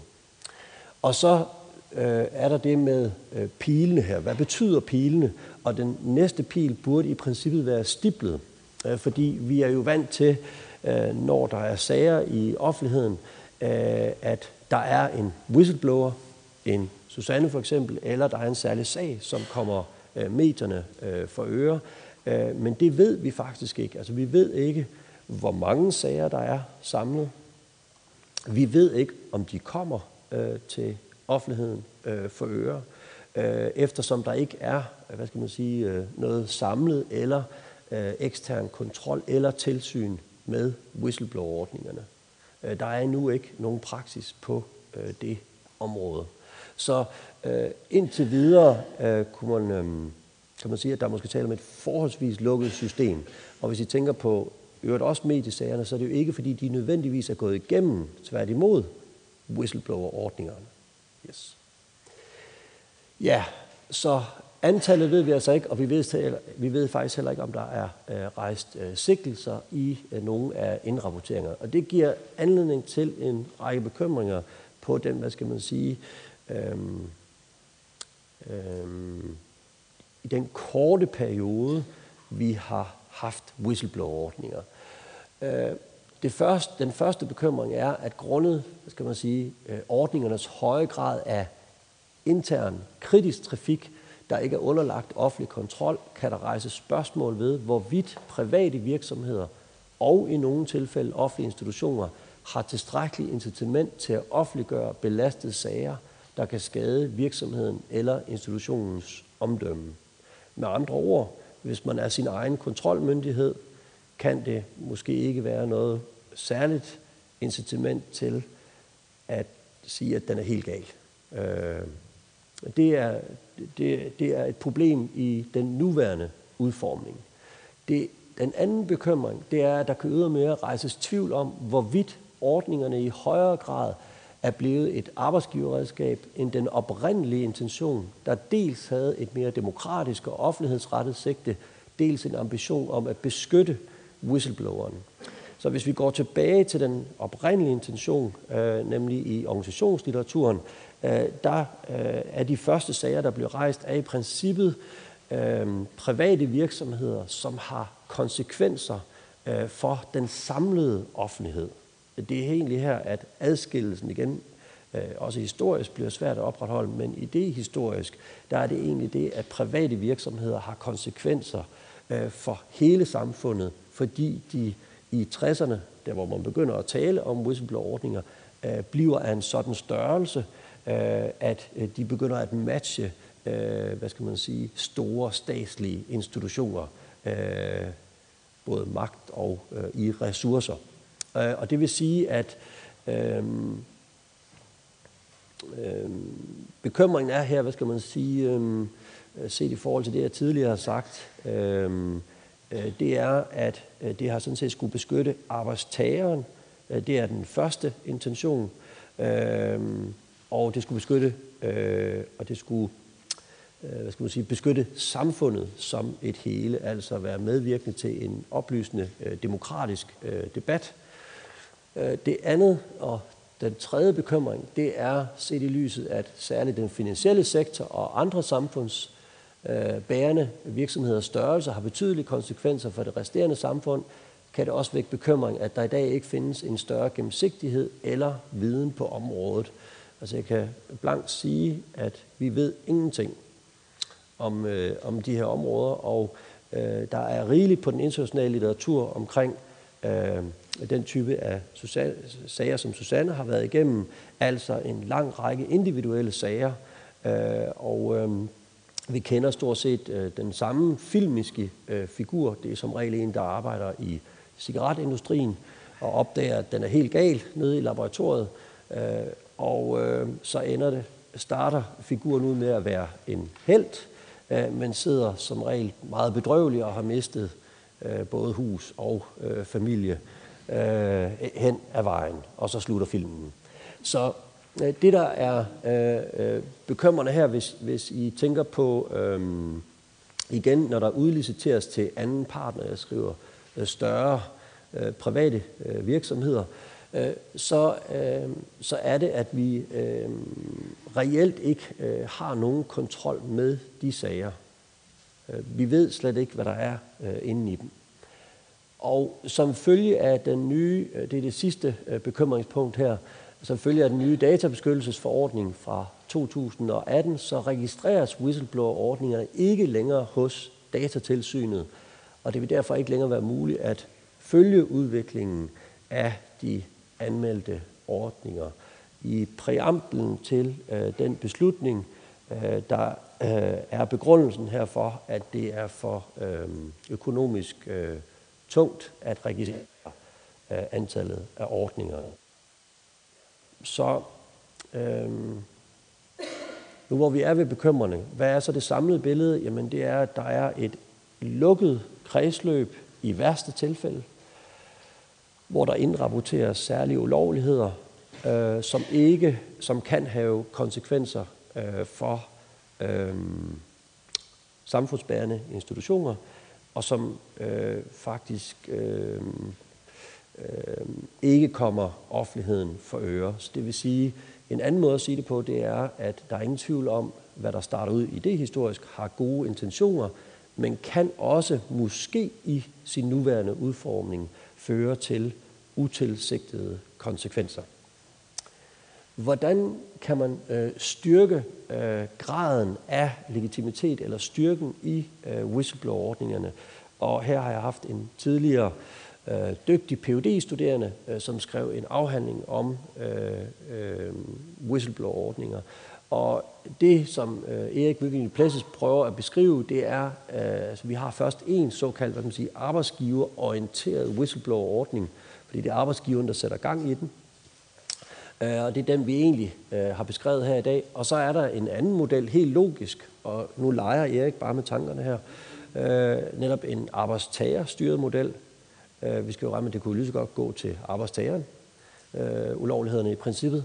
Så kunne man en anden, hvor arbejdsgiver og arbejdstager i princippet sidder sammen, sådan så der er en, en ligevægt, men der er til gengæld ikke en endnu, som kan blive enige om, hvorvidt det skal komme ud i offentligheden, og det leder til en øh, yderligere model, nemlig en, hvor der også er både arbejdstager, arbejdsgiver og en civilsamfundsstyret model, altså hvor man trækker øh, endnu et medlem ind, som man nu er tre. I skal jo regne med, at den model, jeg gav øh, jer før, øh, hvem er det, der tilgår informationen, hvem har distributionsretten over disse særlige kritisable forhold. Skal de ud i en offentlighed, eller skal de ikke ud i en offentlighed? Øhm, og det er klart, at der vil være et, et, øhm, et spørgsmål om, hvorvidt øh, man kan have tillid til det, hvis der kun sidder én part, øh, eller der er underrepræsenteret på anden vis. Så er der selvfølgelig en ren civilsamfundsstyret øh, model, Så er der, øh, man kunne også tilføje øh, ved hjælp af domsmandsprincipper, noget i den dur. Så er der en ombudsmandsstyret model endelig, som vi har i Københavns Kommune. Så er der en pressestyret model, og det er sådan set allerede i funktion i den forstand, at både amerikanske og også danske medier i princippet har whistleblower-ordningssystemer. Øh, da debatten starter, der var øh, Radio 24-7 ude meget hurtigt. Pressen har selvfølgelig en interesse i at øh, komme i nærheden af skandaler, så man sætter øh, en, en dagsorden. Øh, så det har vi sådan set også allerede. Og så endelig en bedre juridisk beskyttelse øh, som en model altså er whistlebloweren det, som vi ser som er på vej øh, med et øh, EU-direktiv.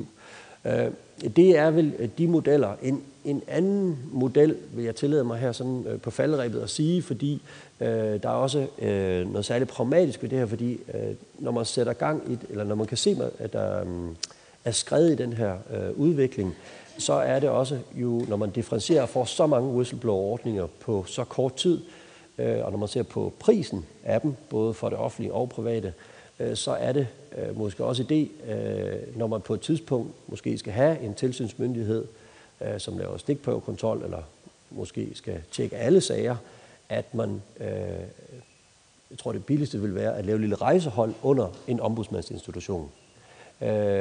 For ellers så kan det blive meget, meget tungt, hvis kommunen selv skal have et tilsyn, hvis regionen skal have, og staten skal have, og det private selv, så kan det meget hurtigt udvikle sig til et selvreferentielt system, som bliver meget, meget øh, tungt. Men, men det tror jeg egentlig kunne løses øh, ved et, et mindre rejsehold om, og helt ned næsten til stikprøve øh, kontrol. Tak.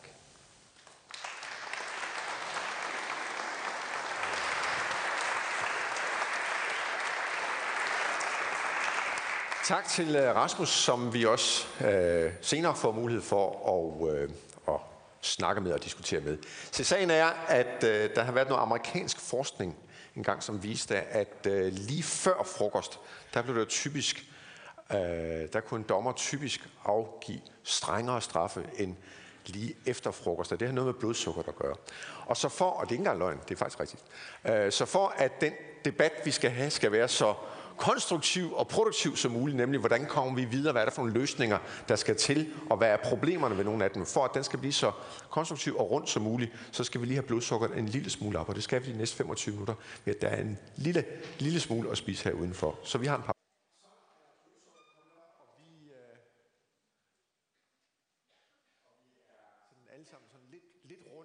i, øh, i kødet, og sådan lidt mere venlige og lidt mere fremkommelige. Og det vil vi benytte os af til her den næste 55 minutter og, øh, og debattere, og øh, hvor der også på et tidspunkt så bliver åbnet op for, at der kan komme øh, både spørgsmål og, og, og relativt korte kommentarer fra, fra, øh, fra salen. Jeg vil godt have folk, for hvem det er relevant at komme herop, til at komme herop, nemlig Trine Bramsen og Christina Elund. Jeg vil gerne have Helle Jort Benz til at komme herop, og Rasmus Willi og ombudsmanden. Værsgo.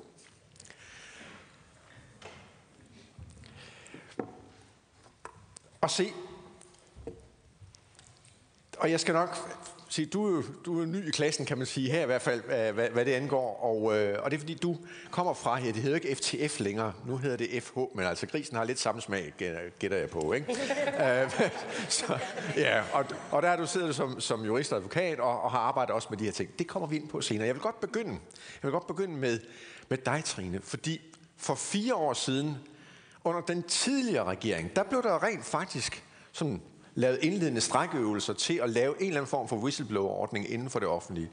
Og så beslutter man sig for, at det vil man ikke. Og jeg har sådan indtryk af, at, at øh, nu er der sådan en eller anden form for konsensus på Christiansborg om, at det er sgu nok en meget god idé, at man kigger på det her. Hvad er der sket på de fire år? Hvordan eller hvorfor er I blevet klogere, eller hvordan har verden ændret sig? Jamen, øh, vores oprindelige udspil der for, for ja, mere end fire år siden er det jo, øh, det var jo, øh, at vi gerne ville undersøge det her område, belyst fordele og ulemper ved en whistleblower-ordning, og det kom der den her herlige betænkning ud af, øh, som, hvor der øh, blandt øh, de medvirkende til øh, betænkningen var lidt divergerende holdninger, men ikke desto mindre var konklusionen, at man ikke anbefalede, at der kom en decideret øh, et krav om en, øh, en whistleblower-ordning.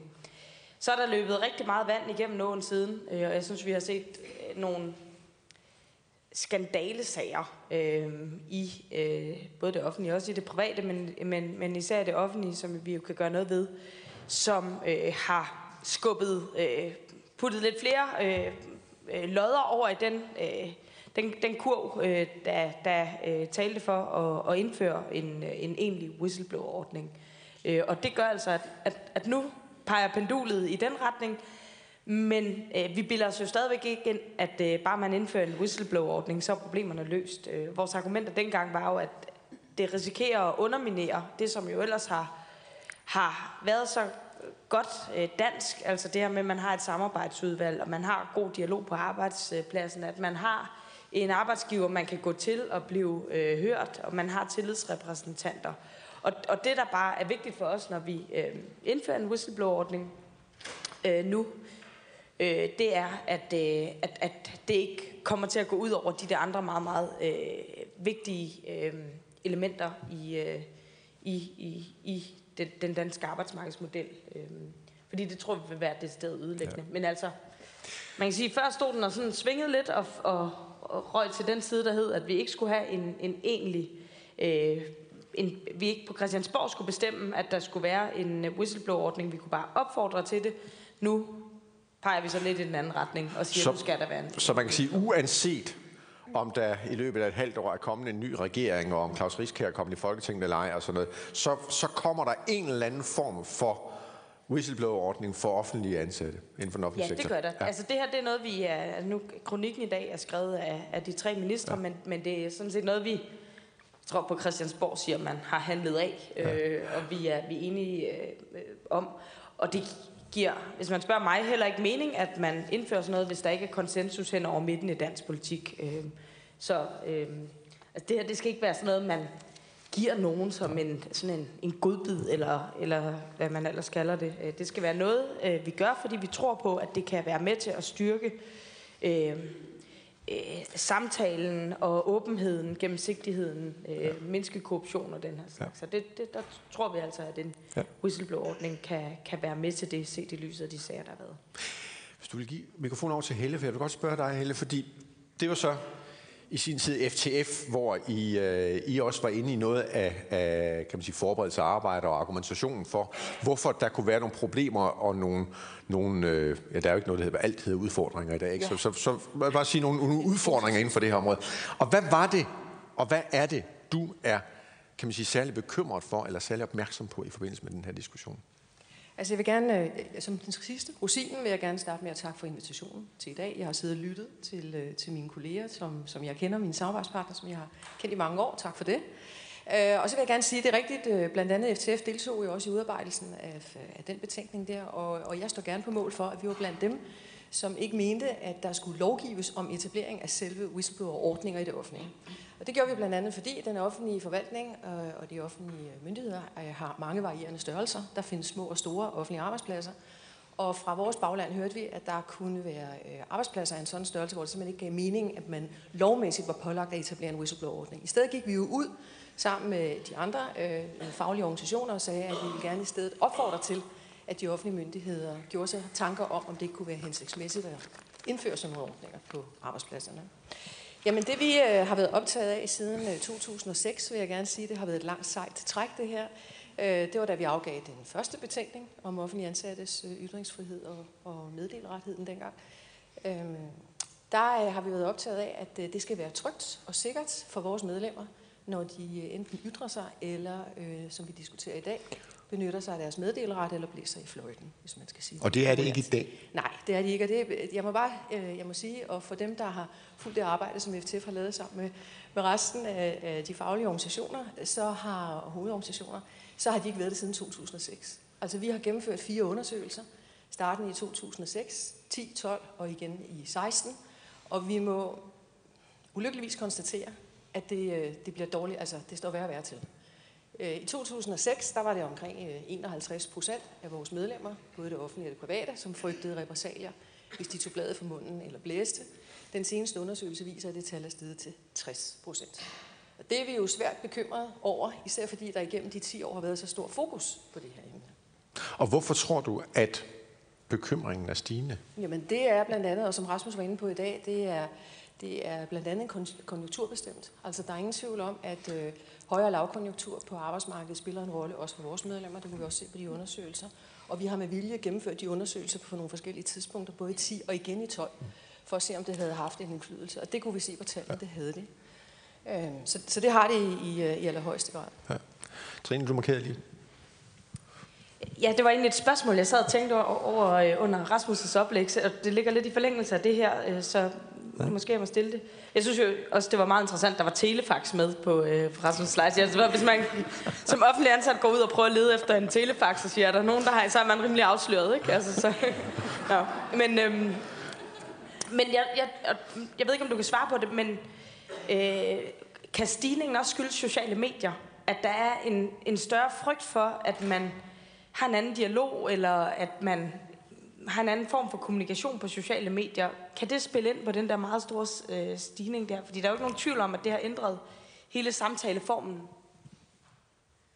Altså det klare øh, nej er, at det, det ved vi faktisk ikke. Med, øh, og mit eget umiddelbare svar er, at det, det tror jeg faktisk ikke. Øh, jeg tror, det er to, to forskellige. En offline diskussion og en online diskussion kan være vidt forskellige. Øh, der er en, også en høj grad af selvcensur, men øh, øh ikke nødvendigvis i... Øh, men det afhænger af spørgsmål på de sociale medier.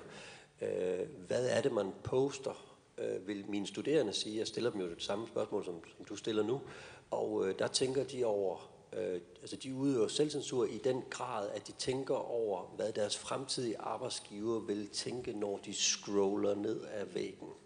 Så på den måde er der jo øh, selvcensur.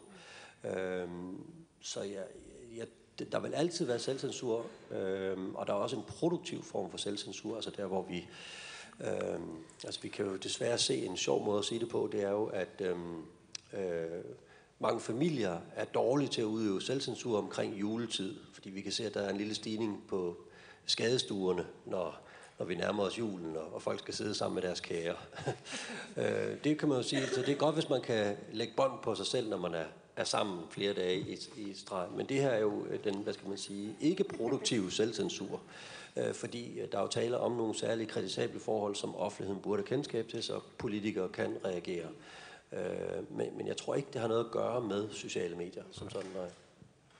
Altså jeg vil faktisk nærmest sige tværtimod. Vi kan se, at mange af medlemmerne i vores medlemsorganisationer, de bruger de sociale medier til at komme ud og poster gladeligt.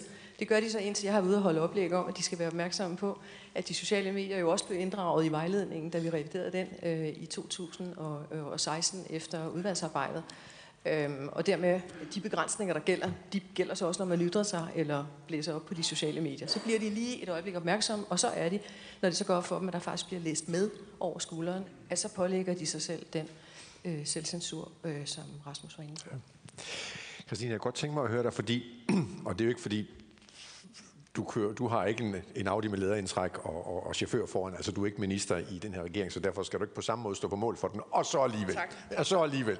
Berlingske i dag, altså udspillet om, øh, omkring, øh, omkring det her, er, er jo, altså det virker umiddelbart jo stadigvæk lidt fluffy, og det er jo også, som vi har været inde på tidligere i dag, øh, at, at lovgrundlaget, altså når vi taler om meddelelserne, er jo meget spinkelt. Ikke?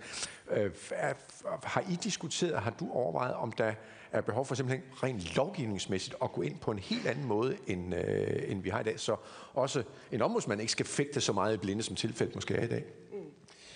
Øh, ja, må jeg ikke bare lige indledningsvis ja. sige, altså i forhold til den her rapport, øh, betænkning, som Trine også var inde på, vi bliver hele tiden øh, som politikere beskyldt, at det er alle andre end os, der har magten, og vi bare dækker os bag betænkninger og rapporter og eksperter, der mener noget. Her er der så nogen, der har ment noget, nu gør vi så det modsatte. Så på anden måde er det jo også et udtryk for, at, at politikere faktisk også nogle gange selvstændigt tager stilling ud fra, hvad vi synes øh, er rigtigt. Og for mig at se, så er, det, altså, så, så er det det, der ligger bag, at vi nu indfører en whistleblower-ordning. Jeg mener, at det er det rigtige at gøre. Jeg er helt med på, at der er, og det har jo også været ret tydeligt i løbet af, af dagen i dag, at der er modsatrettede hensyn, øh, som kan pege i forskellige retninger.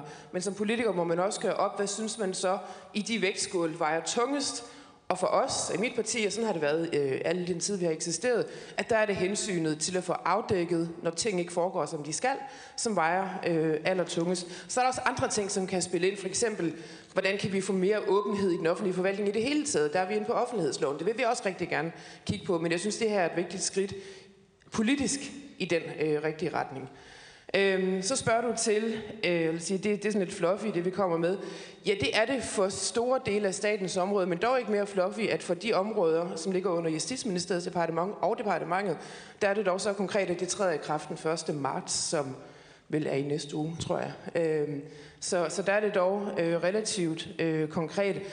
Og meningen med det er, skal man sige, hensyn, altså grunden til, at man har valgt at gøre det på den måde, er for det første, at det er de skandaler, som Trine og andre også har været inde på, har jo meget været øh, på, på Justitsministeriets område. Øh, og derfor er det ret naturligt at starte der. Der har været et ønske derfra selv, øh, at man startede der på baggrund af de erfaringer, man så inddrager der, kan vi så kigge på, hvordan udrydder vi det klogest muligt på resten af statens områder. Men vi er enige om, i hvert fald blandt regeringspartierne, øh, at, at det bør man udrulle på resten øh, af det statslige øh, område. Og nu kan jeg jo kun tale for mit parti og ikke på regeringens vegne, fordi den sondring er der jo, øh, som du også korrekt siger. Øh, for liberale alliances vedkommende, så kan vi fint gøre det også ved lovgivning. Så er der et helt klart lovgrundlag, som, øh, som beskytter øh, den arbejdstager, som måtte have noget på hjerte, man har lyst til at komme frem med, så man er fuldstændig klar over, hvad er det også for en, en juridisk grund, man bevæger sig ind på i det øjeblik, man benytter sig af sådan en ordning. Kan du ansyde noget af, og det er måske et helt urimeligt spørgsmål, når du ligesom åbner det vil ikke for, være helt for det første her. gang. Nej, det er set før, men, men, men der kan så også komme et urimeligt svar. Det vil heller ikke være første gang. øh, øh, øh, Noget for noget, ikke? Men kan man sige, altså når du siger, der kunne godt være basis for en lovgivning på det her område, altså med meddeleret og, og gøre det, gør det lidt mere klart, hvad man, hvad man rent faktisk har lov til at gøre, uden at der kommer repræsalier. Øh, kan, du, altså, kan du folde det en lille smule mere ud? Har I, har I tænkt på det, eller er det mere princippet? Altså, det, det handler jo om en juridisk, altså sådan en juridisk ret er skrevet ind i lovgivningen for en særlig gruppe, i det her tilfælde ansatte i staten. Øh, så er det jo sådan set ret sort-hvidt. Og når jeg synes, at man godt kan gøre det øh, til lovgivning, så er det, der har jo været den her så, diskussion, som, har, som har, vi har haft det over gennem længere tid. Skal man udfolde det her øh, som en opfordring til de offentlige myndigheder, øh, eller skal man gøre det pligtigt øh, for dem? Og det er jo for mig at se egentlig der, det ligger, fordi Øh, man kan godt have en politisk intention om, at hvis vi nu opfordrer folk til at gøre noget, at så kan det være, øh, at de gør det. Men vi skal også påtage os det politiske ansvar, vi har for at sige, at vi vil, at man øh, i statens institutioner går i den her retning, og så pålægge dem det som en pligt. Og for mig så er det jo det, er jo det greb, som lovgivningen kan, øh, som en opfordring ikke kan. Ja. Og hvad siger ombudsmanden til, til sådan nogle tanker? Vil det, vil det gøre livet lidt nemmere for en ombudsmandsinstitution? Ja, nu er formålet ikke at gøre livet nemmere for ombudsmandsinstitutionen, øh, men, men at, at forbedre situationen i det, i det, i det, i det samlede samfund. Jeg tror, jeg tror måske, der, der, der er to ting, man lige skal holde, skal holde adskilt. Når, når jeg før talte om, at, at, at juraen i det her på mange måder er, er uklar, så taler jeg jo især om, om det, man kalder for den eksterne meddeleret, altså der, hvor, hvor man, vil, man vil gå ud af huset, man vil gerne gå til medierne, man vil, man vil gerne gå til Rigsrevisionen, man vil, man vil gerne gå andre eksterne steder hen. Hvordan forholder det sig i forhold til tavshedspligten? Det, det, det er et reelt vanskeligt spørgsmål at besvare, og jeg tror, at deraf, som sagt, øh, kimen til, den, til, til, til det udskilte vejledningsudkast fra, fra Justitsministeriet. Så langt, så godt. Og hvis man vil have klarhed der, så må man nok kigge på lovgivningsapparatet. Det er klart, det vil alt andet lige givetvis være simplere at stable en intern whistleblower-ordning på benene, som den, der formentlig, antager jeg, sigtes til øh, øh, i dagens kronik. Ikke fordi det ikke også rejser spørgsmål, hvordan, hvordan, hvordan bevarer man anonymiteten i sidste ende? Hvad er det for oplysninger, der skal forelægges dem, der bliver anmeldt? og så videre. Men det vil nok alt andet lige være en enklere øh, juridisk øh, øh størrelse. Og, og, det, og det spændende spørgsmål, det er selvfølgelig så, vil sådan en ordning være tilstrækkelig til at få håndteret de sager, der kommer fra, jeg tror, frem, jeg tror Rasmus Willi var inde på, fra en forskningsmæssig øh, synsvinkel, at øh, peger du på en problemstilling i den forstand, at det forbliver et lukket rum i, et, i det, du kalder for et arbejdsgiverstyret system, og uden et eksternt ophæng. Hvis det, kan, hvis det kan fungere godt, hvis virkeligheden bliver, at man får taget hånd om de sager, der kommer, ja, så er det jo bare godt, øh, og så er der vel ingen grund til at stable større apparater på benene øh, end, end nødvendigt. Men, men det bliver vel et af spændingsmomenterne, hvis, hvis, man, hvis det er en intern model, man lancerer her. Og det er jo netop et spørgsmål, om det er en intern eller ekstern. Jeg tror, man siger, at der, der står på juristens gravsten, han glemte at sondre. Og det er vel det, vi skal sondre imellem, om det er intern eller ekstern. Gør I det, når du taler om, at der, man kunne godt forestille sig en, en mere udvidet lovgivning omkring meddeleret? Altså det, der lægges op til her, er en, en intern ordning. Dog så med den som en ventil med den udbygning, øh, at det skal være sådan, at hvis man har meddelt sig via den her ordning, det bliver sådan online øh, sted, en portal, agtigt øh, sted, hvor man kan gå ind og berette om det, man nu har øh, på hjerte, at så skal dem, som modtager den besked, kunne vende, altså skulle henvende sig tilbage Øh, stadigvæk selvfølgelig, at, øh, at øh, den oprindelige, altså medarbejderen, stadigvæk bevarer sin anonymitet og spørger ind, altså uddybende spørgsmål. Og det kan jo så, hvis man er inde på noget, hvor man taler om lovbrud, øh, hvor der er behov for, hvis man skal over i et andet retligt system, øh, og have tingene frem, at man så kan opfordre, altså via de her anonymiserede kanaler, kan opfordre vedkommende til så også at stå frem øh, ved navns nævnelse og vedstå sig det, som man, har, som man har sagt. Så det er jo også altså i ordningen lagt op til en, en fortsat anonymiseret dialog, så det ikke bare er, at man afleverer øh, et eller andet meddelelse på en hjemmeside, øh, og så er det det, men det er faktisk pointen, at afhængig af selvfølgelig sagens karakter, øh, at øh, ledelsen i, øh, i den myndighed, øh, som, som det handler om, øh, via den samme kanal skal kunne kommunikere med vedkommende, som så forbliver anonym. Ikke? Men det er klart, at hvis man så skal videre i forhold til en konkret sag, så kan der jo være behov for at opfordre vedkommende til, men så kræver det, at man står frem øh, ved navnsnævnelse som vidne og fortæller om, om det, man har oplevet. Rasmus, gør det der trygt, når du hører de her ting? Jamen, jeg tror, altså, øh, min bekymring består i, at, øh, øh, at øh, at der skal være en høj grad af legitimitet og tillid til et øh, system, hvis det skal være velfungerende. Så spørgsmålet er, øh, hvor høj grad af legitimitet og tillid kan man få til et system. Og øh, det tror jeg først, man kan øh, i det øjeblik, at det ikke kun er arbejdsgiver, men også arbejdstager, måske en tredje ovenstikprøvekontrol. Og det behøver ikke, det er ikke særlig dyrt på nogen måde, men man kan, også, man kan måske vente om at sige, har vi råd til, at der ikke er tillid til det.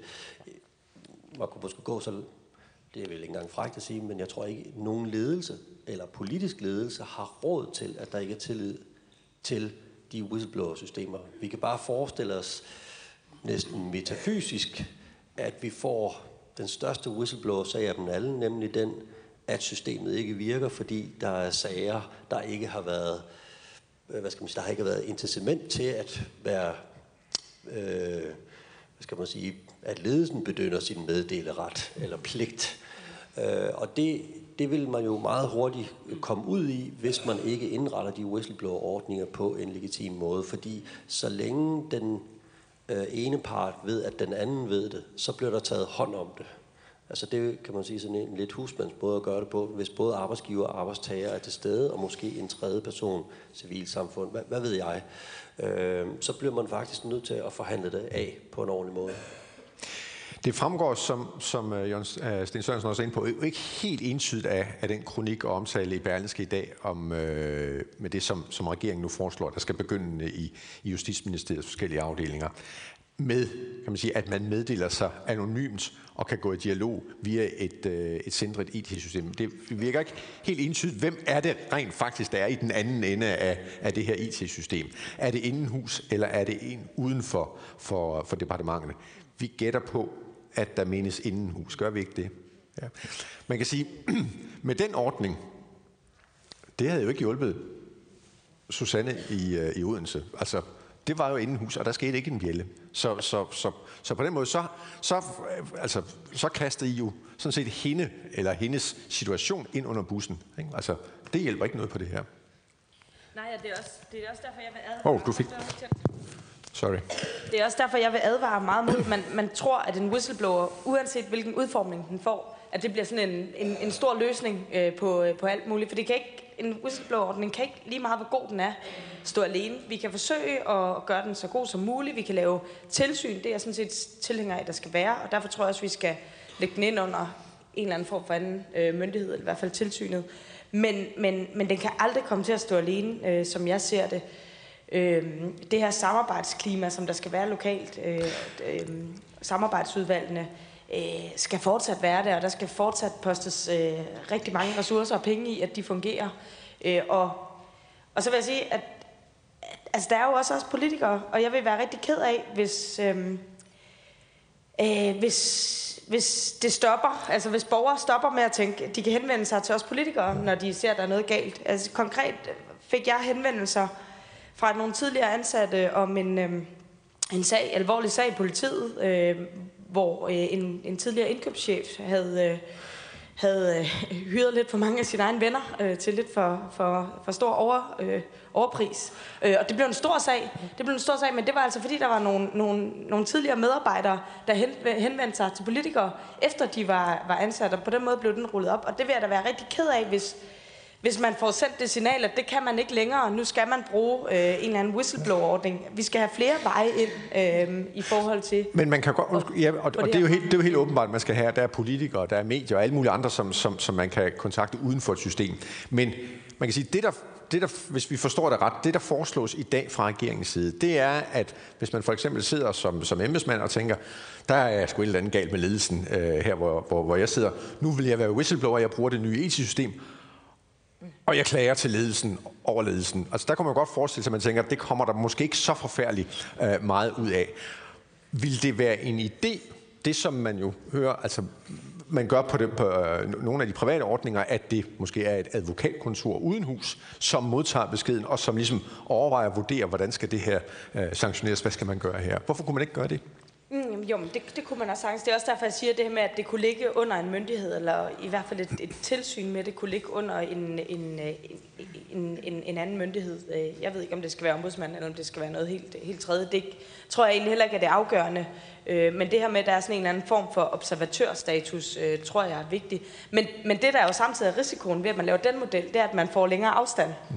Altså, der, der, der er meget stor øh, forskel på at, at sidde i tænkt eksempel Odder Kommune, og, øh, og sende en besked ja. til nogen, der, der har viden om de interne forhold i Odder Kommune, og så ja. føler, at man skal sende dem over til København men, men, til en anden... Øh, anden myndighed. Men Trine, nu, nu, nu sagde du øh, før, at, at det udspil, der er kommet i dag, selvom det så er den nuværende regering, og der måske kommer en anden regering om en halv års tid, at den er på en eller anden måde sådan handlet lidt af øh, her på, på Christiansborg. Og det lyder betryggende, og måske så alligevel ikke helt, fordi Betyder det så, at du siger, at det var da en mulighed? Ikke? Altså er det sådan lidt repressiv tolerance, at jo, ja, herregud, det kan vi da godt, men, men sådan bliver det bare ikke. Det bliver indenhus, det her. Nej, altså ikke, nu vi er ikke med i den, konkrete udformning nej. af det, og jeg tror ikke, vi ender på en færdig model øh, lige inden for de næste par måneder, selvom det skal træde hurtigt i, i kraft. Jeg tror, det er noget, vi må også, øh, altså både øh, prøve os lidt frem med, evaluere os lidt frem med. Øh, altså nu har Region Syddanmark har jo øh, indført en, øh, en whistleblower-ordning. Jeg synes, at man skal tage alle gode erfaringer fra den øh, og øh, tage dem øh, med videre. Der, der har ikke været så mange henvendelser, men, men tage dem med videre og, og, og, og lære det, hvad har man gjort forkert. Jeg tror ikke, vi kan ramme plet i første hug, øh, så det her det er en proces, vi har sat i gang. Øh, og jeg håber, at der er en villighed, øh, også fra politisk hold, til at, at justere hen ad vejen. Christina?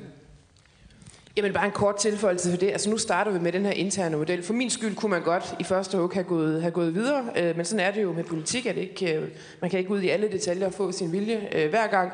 Men det er jo også sådan med sådan en intern model. Altså nu siger det, hvis man vil klage over ledelsen. Det er ikke sådan, at hvis jeg sætter mig ned og, og meddeler mig til Liberal Alliances whistleblower-forening, jeg synes, eller whistleblower-ordning, jeg synes, vi har en elendig ledelse, bare sådan i brede termer, at, at så er det nødvendigvis noget, de skal tage alvorligt. Det vil jo altid være mere konkret end det, at bruge på en anden konkret handling, eller en konkret forvaltning, som man synes er forkert.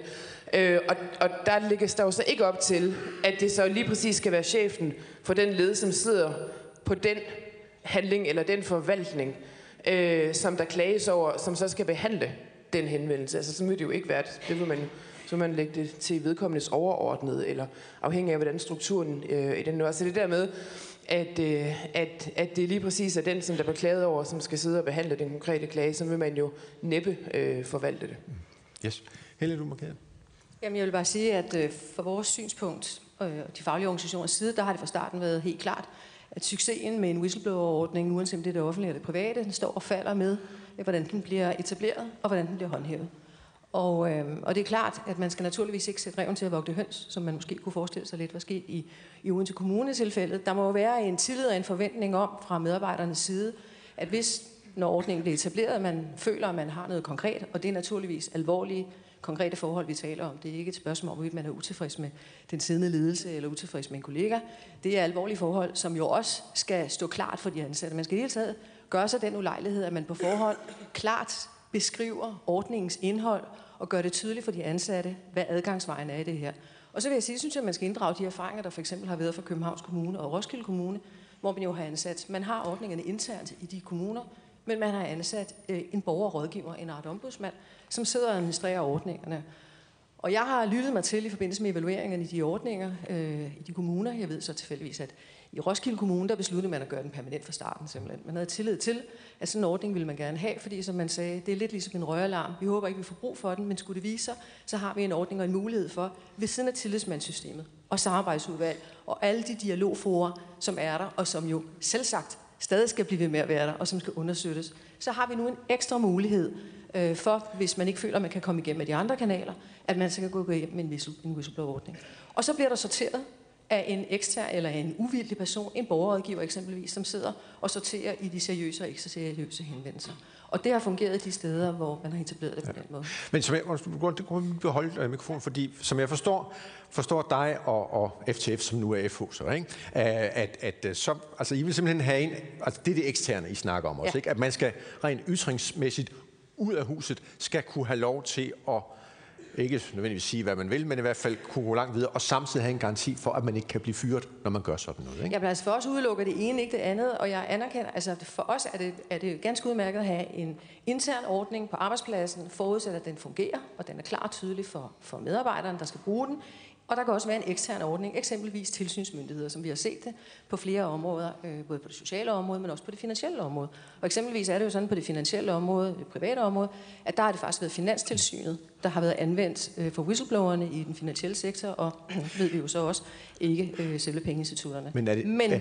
men det jeg vil sige, det er, øh, vi har, for lige at vende tilbage, så er det rigtigt, at, at øh, vi anbefalede, at der ikke blev lovreguleret om whistleblower-ordninger, men vi havde jo to andre anbefalinger øh, som gik dels på øh, igen at forsøge at få øh, banket en åbenhedskultur på plads i den offentlige sektor. Det gjorde vi allerede i 2006, så vi synes ikke rigtigt, vi havde set skyggen af den, og det synes vi sådan set stadig ikke, vi har. Fordi vores tilgang er jo i kraft af det dialogsystem, vi jo har, øh, og som vores organisationer sætter meget stor pris på, og som skal fortsætte helst uændret, det er jo, at der er plads til, øh, og det bliver anset for legitimt og trygt, at man kan tage diskussionerne og ytringerne på arbejdspladsen i det forum, man er med sin nærmeste ledelse.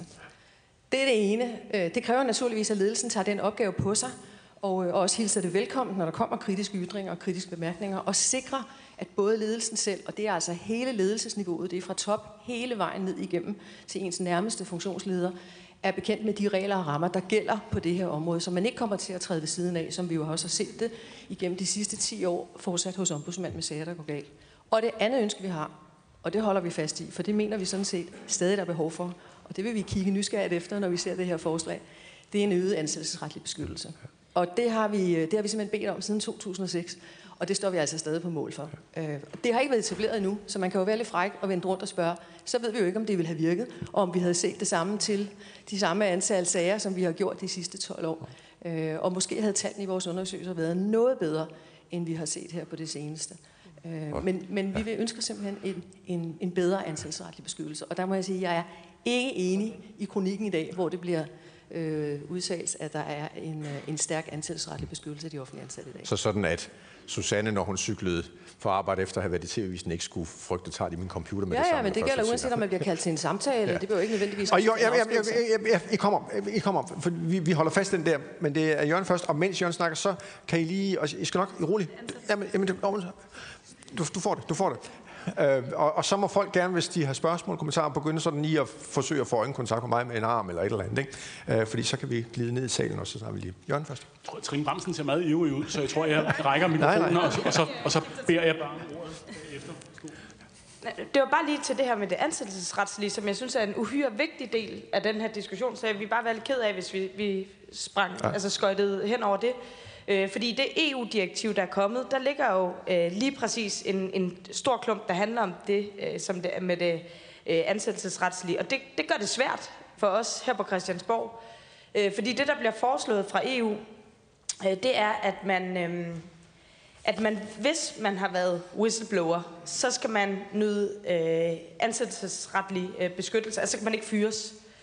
Og det giver jo nogle lidt uheldige incitamenter, øh, fordi det gør jo, at hvis Christina hun hænger øh, med røven i vandskorben, godt sagt, øh, på, sagt på godt dansk, øh, og har, øh, har øh, måske øh, ikke er så god til sit arbejde, øh, så kan hun jo øh, skynde sig og finde på, øh, altså finde på, på noget og whistleblow omkring. Øh, og så har hun i bund og grund en, en ansats, øh, eller en, ret, en garanti for, at hun kan blive ved med at være ansat. Det er i hvert fald det, vi skal sikre, øh, ikke kommer til at ske, fordi det vil jo være en, en, en uheldig, rigtig uheldig, eller det vil blive vendt på hovedet, ja. og, og underminere en whistleblower-ordning. Øh, så bare for at sige, det gør det lidt svært, øh, men jeg tror da ikke, der er nogen, der ikke gerne vil finde en løsning, der fungerer. Yes. Jørgen? Ja, Trine kommer jo ikke lidt i forkøbet, fordi jeg vil også have sagt, at man skal jo lige huske som ramme for den her diskussion, at der er jo et meget, meget stort anlagt EU-direktiv under forhandling i øjeblikket, som jo altså omfatter både den private og den offentlige sektor. Øh, og jeg forstår sådan set godt, hvis jeg forstår morgens kronik rigtigt, at, at før man kaster sig ud i en stor samlet lovgivning på det her område, eventuelt, så må man lige se, hvilken ramme, der bliver lagt EU-retligt, så man ved, hvad har man at holde sig til, og hvad er det i givet fald, man skal bygge, man skal bygge oven øh, på. Når det er sagt, og bare, og bare lige for at vende tilbage et øjeblik til, til et par refleksioner over det med de, med de interne eller eksterne whistleblower-ordninger, så vil jeg sige, så forstår jeg, sagtens, så forstår jeg udmærket, at Trine Bramsen tøver med at lægge sig fast på en, på en endelig øh, model på det her område. Der er vel også et gammelt ordsprog, der siger, at, at det bedste skal ikke altid blive det godes øh, fjende, og, og nogle gange må man begynde et sted. Fordi på den, på den ene side er det jo helt forståeligt, når Rasmus Wille ud fra en stringent forskningsmæssig vinkel siger, at hvis der skal være fuld legitimitet om det her, så må der være et eksternt ophæng, der sørger for, der sikrer, der må være nogle andre end myndigheden selv, der sikrer, at der bliver gjort noget øh, ved det her. Det kan ikke forblive i et lukket kredsløb. Samtidig, samtidig er man selvfølgelig nok nødt til at se for sig, at, at, at hvad enten et sådan eksternt ophæng måtte være min egen institution eller en anden, det er sådan set diskussionen uvedkommende, så vil det jo hurtigt blive et meget, meget stort apparat, man skal stable på benene øh, øh, her det vil jo dårligt kunne bestå i, at nogen rejser rundt og lige tjekker, hvad der er kommet af indberetning, og hvad har været ledelsens umiddelbare reaktion på det. Hvis systemet skal give mening, så må man jo have mulighed for at grave hele sagen op forfra, for at se, hvad, hvad er det egentlig, der er sket. Og så bliver det et meget stort apparat, øh, der bliver tale om, og det, det er jo muligt, det skal ende sådan. Det er bare at sige, det er ikke, det er ikke nogen lille ting, man taler om, når man taler om, om, om eksterne ophæng til whistleblower øh, ordninger. Omvendt må det jo være så sandt, som det er sagt, øh, at, at, at når det forbliver i et internt system, ja, så stiller det selvfølgelig meget, meget høje krav til selvdisciplinen, var jeg lige ved at sige, øh, i myndigheden, at man skal så at sige håndtere sine egne øh, problemsager. Men det, er jo, men, men det er jo muligt, at det kan fungere, og hvis det kan fungere, så er der vel en formodning for, at man vælger den mindre ressourcekrævende frem, frem for den meget ressourcekrævende model, så, så, så at, man, at man begynder et sted og ser, og ser hvordan det går det, det kan jeg sådan set sagtens følge. Yes. Går vi hen. René Gade, det er dig først. Tak, og tak for debatten.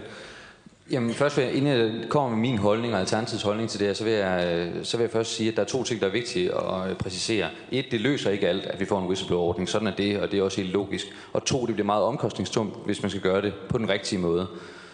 Men da vi tilbage i 16 lavede et, jeg ved ikke om det var copy-paste af det, der allerede var foreslået, men vi kom i hvert fald med et forslag om at lave en whistleblower-ordning tilbage i 16, der ikke kom igennem. Vi prøvede at, at sprede den ud, så man nemlig ikke havde bestemt sig for, hvordan den skulle udmyndtes. Men sige, det var en nødvendighed. Så er det ikke på grund af skandalerne. Så er det ikke på grund af, af det, der bliver sagt i pressen. Så er det jo fordi, at vi som mennesker ikke engang kan finde ud af at øh, klare os med naboen, hvis vi er uenige om, hvor højt træet skal være. Altså, man kan jo ikke gå i sådan en konflikt som naboer på et rimeligt niveau, uden den, uden den topper. På øh, en arbejdsplads oplever man, at hvis man begynder at løfte noget som helst, så ligegyldigt hvor gode dogmer vi har i Alternativet, så kan jeg da ellers love for, at vi også skal være ordentlige ved hinanden på vores arbejdsplads. Men hvor er det dog svært? Selvom man har meget, meget klare rammer og strategier for, hvordan det skal gøres. Så vores ønsker, og jeg tænker derfor, det er så godt, at regeringen er kommet med et oplæg i dag, det er jo simpelthen, at vi skal have en whistleblower-ordning. Hvordan skal den udformes så? Der mener jeg i den grad, at vi skal have et eksternt ophæng. Og så skal man jo så tænke, er det dyrt? Det er jo en investering. Fordi den sag, vi hørte fra øh, vores whistleblower om på den anden side, altså man fik jo næsten tårer i øjnene, fordi den dag, du gjorde det og stillede op, og så gik der x måneder, inden du faktisk gik ned, og så er du så kommet op igen. Det ved man jo godt. Der skal så meget til, vil du lave dit hverdag op fra i morgen. Så jeg tænker, det er en, det er en stor investering, men en investering, vi slet, slet ikke kan lade være med. Om skatteskandaler, øh, skandaler i øh, socialsystemet, ja ja, selvfølgelig er det gode argumenter, men det er jo simpelthen den enkelte medarbejder. De tal, vi ser deroppe i dag, de går jo rundt og er stresset, og det kan man også gøre på en arbejdsplads som her, hvis der ikke er mulighed for at række hånden op som embedsmand. Og det er der ikke, fordi systemet husker. Så om det så bliver en øh, meget øh, ordentlig melding, man giver op af i systemet, så står du i en situation, hvor du næsten altid kan spores lidt tilbage til, hvilket område det cirka var, og så begynder det at blive stressende at gå på arbejde fordi ting, hvis man bliver opdaget. Så jeg tror, vi skal investere i det, eksternt ophæng, og så rigtig stor tak til regeringen, fordi man så trods alt sætter rammen nu. Rasmus, din erfaring, tag mikrofonen, din øh, erfaring med det her, og, og det kan man sige, blik du også har for, for, for hvad man gør i udlandet, og hvad man i øvrigt har gjort. øh, altså, det er jo klart, der er forskel og ulemper ved, ved øh, interne og eksterne, og sådan noget, men, men kan man, er det overhovedet muligt at komme langt nok realistisk set med intern? Øh, nej, det, altså det tror jeg ikke. Øh, når jeg sagde et lille rejsehold før, øh, og et, øh, så, så var det egentlig for, at der ikke skulle være et eksternt vedhæng på samtlige private og samtlige offentlige, fordi så vil vi Ja, det vil jo være det, man kalder et nyt forretningsområde. Altså, det vil, det vil vokse sig helt ustyrligt. Så, så det, øh, der, der er ingen tvivl om, at hvis vi ønsker som demokratisk retsstat at beskytte ytringsfriheden og meddeleretten, og det her det er et organisatorisk middel til at gøre det, jamen så er det nok en forholdsvis lille pris i forhold til øh, at have et eksternt øh, øh vedhæng øh, med, Jørgens, øh, med, Jørgens ord. Øhm, det er ikke fordi, at øh, vi har ikke, øh, skal jeg sige, at vi er et forholdsvis nyt center. Vi har siddet et par år med det her, øh, noget, ej, lidt længere tid, men det er ikke fordi, vi øh, har nogen særlige erfaringer. Vi skal også huske på, at det her, det, øh, altså med udlandet, at det er også et forholdsvis nyt fænomen øh, i en global sammenhæng. Øh, og fordi vi er blevet bundet mere sammen, har vi nogle store internationale whistleblower-ting når det kommer til omkostningerne, så er det selvfølgelig svært at måle, fordi der er også nogle umiddelbare indtægter. Susanne er et eksempel, fordi man sparer nogle måneders sygdom. Øh, Danske Bankskandalen, det er skille milliarder. Øh, vi kunne godt have for, det er jo ikke sådan så, at medarbejderne i skat ikke har vidst, at der er nogle systemer, der ikke har fungeret i overvis. Der kunne vi have sparet skille milliarder. Øh, så det, det, øh, på den måde har det måske været meget godt at, øh, at have haft nogle systemer. Men vi skal også huske på, at whistleblower-ordningerne er symptombehandling på øh, det reelle problem, nemlig at offentlige ansattes øh, ytringsfrihed og meddeleret er under øh, pres. Og det vil sige, at hvis man virkelig vil, vil det til livs, øh, så skal det altså understøttes med en ansættelsesretlig sikkerhed. Øh, det er ligesom den eneste vej. Yes, vi har et par andre spørgsmål og kommentarer her. Først er bare rejse lige op og sige, hvem du er. Ja. Øh, tak for et godt arrangement. Jeg hedder Jonas, og kommer fra Dansk Magisterforening. Øh, I notat fra mikrofonen lidt til Ja, i notat fra Justitsministeriet forslag til Europaparlamentets og Rådets direktiv om beskyttelse af personer, der indberetter overtrædelser, øh, der følger det, at regeringens holdning er, at beskyttelsen, den ansættelsesretlige beskyttelse af lønmodtagerne, øh, bør, øh, bør reguleres af arbejdsmarkedets parter, altså den danske model øh, ved overenskomstforhandlinger til de offentlige overenskomster, således at det ikke bliver lovfæstet det her. Hvorfor ønsker man at, at overlade det til øh, de offentlige overenskomster, og hvorfor ønsker man ikke at lovfæste på området øh, på linje med eksempelvis den beskyttelse, gravide nyder øh, i medfører ligebehandlingsloven? Mit andet spørgsmål er, øh, hvad med de lønmodtagere ude på det private arbejdsmarked, som ikke omfatter overenskomst? Hvilken beskyttelse har de? Trine, Christina, Jamen, når, altså, når regeringens holdning har været sådan til, til, til det forslag, der lå fra kommissionen på det tidspunkt, øhm, og det tror jeg sådan set, Trine er enig i, ellers må du øh, råbe vagt i gevær, øhm, så er det jo fordi, det er jo den måde, vi løser det på i Danmark. Altså, det er, øh, det er et område, som vi normalt overlader til arbejdsmarkedets parter. Det er jo et skisma, vi hele tiden løber ind i, i forhold til, øh, i forhold til EU øh, hvor man jo andre lande lovgiver om alt muligt på arbejdsmarkedet, så har vi jo i Danmark den danske model, som vi alle sammen er rigtig glade for, og har tradition for, at den type spørgsmål overlader man øh, til dem. I forhold til det andet spørgsmål, hvilken retlig beskyttelse har de ansatte på det private arbejdsmarked, der tror jeg måske, at nogle af vores eksperter er mere klædt på til at svare på det, end jeg er. Der gælder ikke nogen særlig lovgivning. Der gælder ikke nogen særskilt lovgivning øh, omkring øh, nogen ansættelsesretlig beskyttelse for hverken offentlige eller private ansatte, der ytrer sig, eller offentlige ansatte, der bruger deres meddeleret. Øhm, og så vil jeg sige, nu kommer jeg fra den nye hovedorganisation FH, og vi sætter naturligvis ordentligt stor på, pris på, at regeringen har den tilgang, at arbejdsmarkedets parter i videst mulig omfang får lov til at, øh, at aftale de fleste spørgsmål ved forhandlingsbordet, og tak for det. Når vi øh, siden 2006 har holdt fast i, at det her er et lovgivningsspørgsmål, så er det fordi, det er så vigtigt et spørgsmål. Det er en grundlovssikret rettighed, som det her flyder af.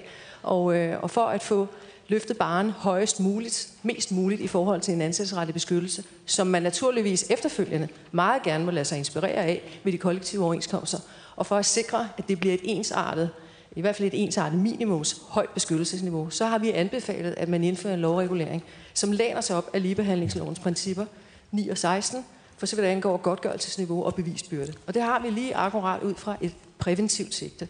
Vi har ikke på noget tidspunkt næret noget ønske om, blandt nogle af vores organisationer, at vi skulle til at føre et hav af sager for vores medlemmer. Tværtimod, så har vi den forhåbning, at en sådan lovregulering, som tager sigte i for eksempel ligebehandlingslovens principper, vil have det præventive sigte, som den lovgivning har haft lige siden den blev vedtaget. Jeg tror, at de fleste her i salen, som beskæftiger sig med arbejds- og ansættelsesret, øh, ligesom jeg har gjort igen mange år, vil ikke øh, genkende til, at der er ikke den arbejdsgiver, offentlig eller privat, som ikke tænker sig om en ekstra gang, når vedkommende står over for at skulle afskede en eller flere medarbejdere, øh, som måtte være omfattet af for eksempel ligebehandlingslovens beskyttelsesregler eller forskelsbehandlingsloven. Og det præventive sigte, det mindset, den tankegang, vi vil gerne have overført til det her område, således at vi sikrer, at enhver arbejdsgiver, der overvejer enten at indkalde til en kammeratlig samtale, eller reagere på en ellers i øvrigt lovlig ytring, eller et blæs i fløjten, tænker sig om en ekstra gang, når der er en sådan lovgivning. Og det er derfor, vi har plæderet for, at, at det er der lovgivningen, eller det er der beskyttelsen, den skal etableres. Ja. Christina, du vil lige markere på den, og så går vi herned igen.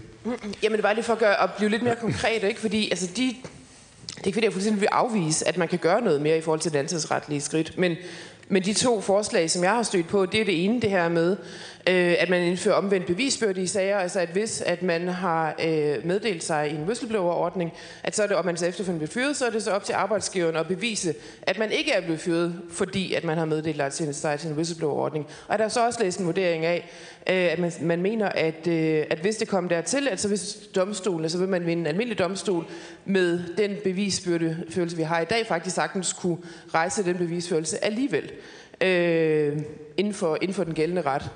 Øh, det er den ene ting. Og den anden ting... Øh, Altså den anden, den anden konkrete forslag, jeg hørte, det er det her med, øh, at i stedet for, altså hvis man bliver uretmæssigt fyret på baggrund af, at man har meddelt sig i en whistleblower-ordning, øh, at så skal man i stedet for, som det er i dag, få, få en kompensation, at så skal man øh, med ret øh, få ret til at beholde sit arbejde. Altså det synes jeg også er, der, det synes jeg også er problematisk, ikke? Fordi har man har man lyst til med ret at blive tvunget ind i, øh, altså gensidigt for begge parter, både fra arbejdstager og arbejdsgivers side, og blive tvunget i at være i forhold med hinanden, som i hvert fald den ene part ikke ønsker skal foregå. Er det, er det noget godt grundlag for at fortsætte sit arbejdsliv? Det synes jeg i hvert fald, at man skal tænke grundigt over, ikke? Øh, om, om hvilken reel beskyttelse og hvilken reel hjælp, der ligger i det øh, for den arbejdstager, som måske uretmæssigt er blevet øh, fyret. Yes. Så dig. Værsgo. Jeg hedder Ulla Nielsen, jeg kommer fra BOPL, det er Børne- og Ungdomspædagogernes Landsforbund. Og vi har de sidste fem år beskæftiget os rigtig meget med det her. Øhm, og vores undersøgelser, vi har faktisk de sidste fem år lavet tre undersøgelser i alt, øhm, viser, at det er fordi vores medlemmer ikke ved, hvad for nogle regler der er om ytringsfrihed. Men desværre bliver de mere og mere nervøse for at udtale sig. Og det er vi rigtig ked af. Vi har brugt rigtig meget krudt på at opløse. Vi har også lavet, kan jeg sige til nogen af jer, der snakker om det, lavet vejledninger til øh, vores medlemmer om, hvordan man begår sig på Facebook og andre sociale medier. Øhm, så vi synes jo, det er bekymringsvækkende, at medarbejderne godt ved, hvad de må, men de gør det ikke alligevel, fordi de er bange for reaktionerne. Og det er jo ikke kun fordi, at vi gerne vil forsvare vores medlemmers ytringsfrihed. Det er også fordi vores medlemmer bidrager med noget viden, som borgerne skal have. Hvordan ser det ud med de her normeringer? Hvordan ser det ud med alle de gode intentioner i dagtilbudsloven? Kan vi folde dem ud med de midler, vi har, eller kan vi ikke? Og så vil jeg lige komme ind på det der rasende gode begreb at sondre. Fordi det synes jeg nemlig også er en rigtig god idé her. Jeg tror nemlig, whistleblower-ordninger kunne give rigtig god mening i det private. Men hvis vi bruger de redskaber, vi har i det offentlige, behøver vi dem ikke. Vi har en forvaltningslov, vi har en offentlighedslov, vi har en udmærket ombudsmand, og det siger jeg ikke for at fedte. Jeg er ikke fan af Liverpool. Øhm, men hvis vi bruger de redskaber, vi har på det offentlige område, så har vi en udmærket adgang til, at man kan ytre sig som offentlig ansat, hvis man ellers holder sig inden for de i øvrigt også udmærkede rammer, der er i den nuværende vejledning fra Justitsministeriets side. Det står fuldstændig klart og forståeligt, at man skal holde sig til sandheden, og øh, man ikke må overtræde sin tavshedspligt osv. osv. Så det vi efterlyser, det er ansættelsesretlig beskyttelse, og så måske, at arbejdsgiver læste vejledningen lidt grundigere. Yes. Den fryser vi lige, den holder vi lige, som I kan kommentere på og forholde jer til, fordi jeg vil godt give ord til Peter Skov. Værsgo, Peter. Oh, jo. Det var kun lige et, et spørgsmål til Rasmus Willi. Uh, du er inde på uh, noget meget interessant omkring uh, det her rejsehold, uh, fordi det er så det, det mest uh, hvad skal man sige, ressourceeffektive, du kunne forestille dig, hvis der skulle være nogen, der kiggede på de her ting. Øh, kender du øh, til, at man har noget lignende i andre lande? Øh, jeg har kunnet læse mig til, at det er 12 lande, der har national lovgivning omkring whistleblower-ordninger. Er der nogen af dem, vi kan læne os op af? Øh, der er nogen, der nævner Holland og Italien muligvis som øh, øh forgangslande. Jeg har ingen idé om det, det er korrekt, men øh, måske ved du noget om det. Øh, nej, det gør du ikke. Øh, I forhold til rejseordningen der, eller rejseholdet, øh, hvem kunne du forestille dig skulle tage sig af sådan en opgave? Øh, har du nogle idéer til det? Øh, ja, det var det. Ja. Yes, både bemærkninger fra Bubel og bemærkninger fra Skov. Vi er sådan i de sidste 6-7 minutters løsningsmode. Hvordan kommer vi videre herfra? Og jeg forstår, at det er ikke Italien, der er forgangslandet, eller Rasmus? Oh. Ja, du kan også tage den der. Ja. Ja, jo, jeg vil først og fremmest sige, at, øhm, at den, det er den ansættelsesretlige øh, sikkerhed, vi, vi skal omkring. Altså, der, der er behov for en bedre beskyttelse. Det, det er det ene, det er en, en løsning. Og det andet er, at der bliver nødt til at være et form for tilsyn med Øh, de nye whistleblower-ordninger. Det, det er, fordi vi har ikke nogen praksis på området, og, øhm, og, og så vil jeg sige som det tredje, at der er mange ting, der producerer øh, selvcensur. Og det, som vores studie viser, og som vi har gode grunde ikke kan komme omkring her i dag, men det er jo højere grad oplevet usikkerhed på et arbejdsmarked, og det er egentlig et, et svar til, øh, til dine øh, medlemmer, altså øh, mange socialrådgivere, pædagoger, lærere, øh, som har været igennem reformer, besparelser, omorganiseringer. Jamen, jo højere grad af oplevet usikkerhed fører til selvcensur, og det vil, det vil også sige, at når det kommer særligt til det offentlige, som er mere karakteriseret ved stabilitet, gennemsigtighed og progression for borgerens retssikkerhed, eleven, klienten, borgeren, øh, så er der måske faktisk en, øh, en grænse for, hvor meget man kan lave om på ting hele tiden, fordi øh, det medfører usikkerheden, og usikkerheden er den primære faktor, drivende faktor for, at man udøver selvcensur. Øhm, og derfor vil man også se, at for eksempel hvad skal man sige, øh, frekvensen for øh, den offentlige ansatte, hvorvidt vedkommende får nyt arbejde, har været stødt stigende de senere år. Øh, og det er i sig selv også kan være medvirkende til, at man er mere tilbageholdende. Altså, er der nu et andet arbejde et andet sted, eller fordi der hele tiden er omorganiseringer? Så, så det, det er et meget komplekst område, men man kan måske vente om at sige, netop af de årsager har man behov for at beskytte øh, den ansatte bedre, øh, end man har haft tidligere. Altså, man har løbet ind i problemet nu på grund af en samfundsmæssig udvikling. Øh, det, det er nu, at vi kan mærke det pres øh, reelt. Altså, det vil være øh, også en, en, øh, det er en vigtig at holde sig i mente. Ja. Jørgen? Jeg tror, en, en kort bemærkning til, til, til repræsentanten for, for BUPL. Jeg tror, du, du, du skubber måske diskussionen lidt over i retning af det, jeg før kaldte for offentlige ansattes øh, ytringsfrihed, som jo også er et stort tema for, for jer, og det som du er inde på, hvis jeg forstår det rigtigt, det er ikke så meget det med at gå ud og røbe deciderede ulovligheder osv., det er retten til at stå frem og sige sin mening øh, om, det, man nu, om det, man nu oplever. Og det er bare for at sige, jeg tror også, at vores erfaring er, også når vi taler med fagforeninger på området, at, at de her sager om den egentlige ytringsfrihed, ja, de kommer i meget forskellige kategorier, og det er langt fra dem alle sammen, som kontrolsystemer kan løse. Øh, vi kan i vores hus løse nogle af dem, nemlig de sager, der kommer frem, og de sager, hvor det for eksempel er evident, at der har været iværksat sanktioner uberettiget over for nogen, der bare har brugt deres ytringsfrihed. De sager har vi mange af, og dem, kan vi, dem har vi systemet til at, til at løse.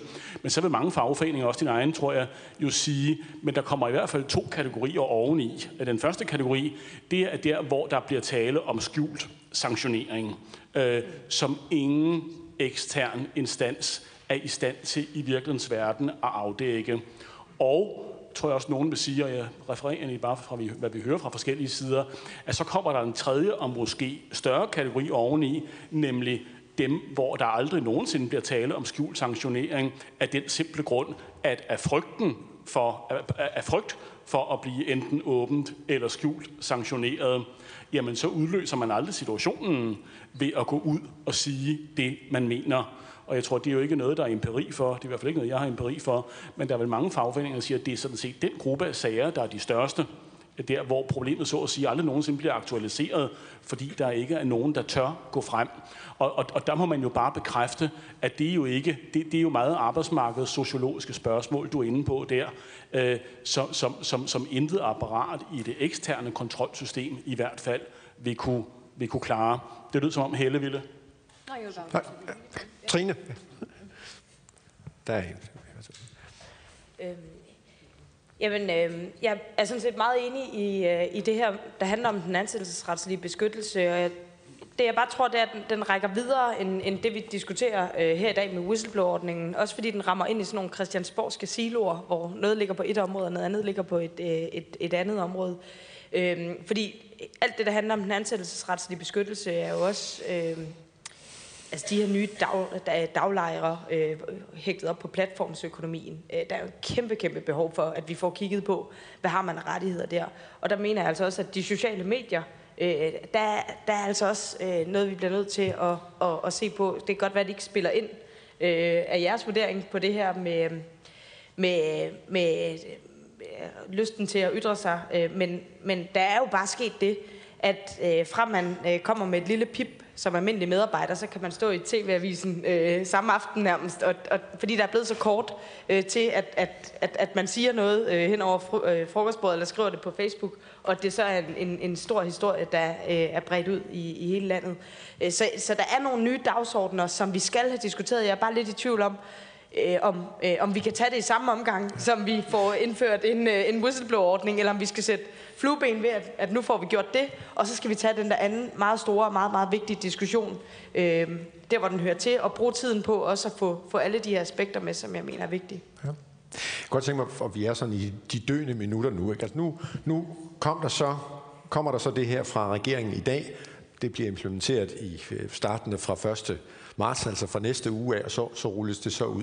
Øh, og måtte der komme en, en, en anden regeringsfarve om et halvt års tid, så vil det nogenlunde, nogenlunde være, være samme melodi. Hvad bliver næste skridt? Fordi det er jo det der, altså tror jeg, alle er sådan set meget opmærksom på, at, at vi kan ikke, og I siger det også selv, vi kan, ikke få, vi kan ikke ramme den første gang fuldstændig ren på hele området. Det er, hvordan spiser man en elefant? Man tager en bid af gangen. Det her det er så den første bid. Hvad bliver den næste bid? Jo, det vil jeg gerne prøve at komme med et bud på. Altså, hvis man havde det konkrete svar på det, så havde vi gjort det med det samme, ja. fordi så er der ikke nogen grund til at have den her etape, hvor vi først indhenter for, øh, hvad hedder det, øh, erfaringer fra øh, de områder under Justitsministeriet, hvor vi nu indfører det, altså i selve departementet, i politiet, i anklagemyndigheden, øh, og en sidste instans, som jeg ikke lige kan huske på stående fod. Så hvis man vidste det på forhånd, så havde vi jo ikke valgt det i den, øh, i den rækkefølge.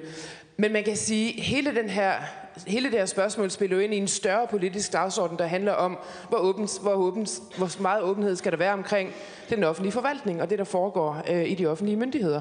Og der er det jo ikke, altså der er whistleblower-ordning en del af det, og noget helt andet handler jo så om, som jeg også nævnte indledningsvis, omkring offentlighedslov. I det hele taget, hvor åbent, altså hvor åbent synes vi, og hvor åbent synes I, øh, at, at at man skal være omkring det, der foregår i den offentlige forvaltning.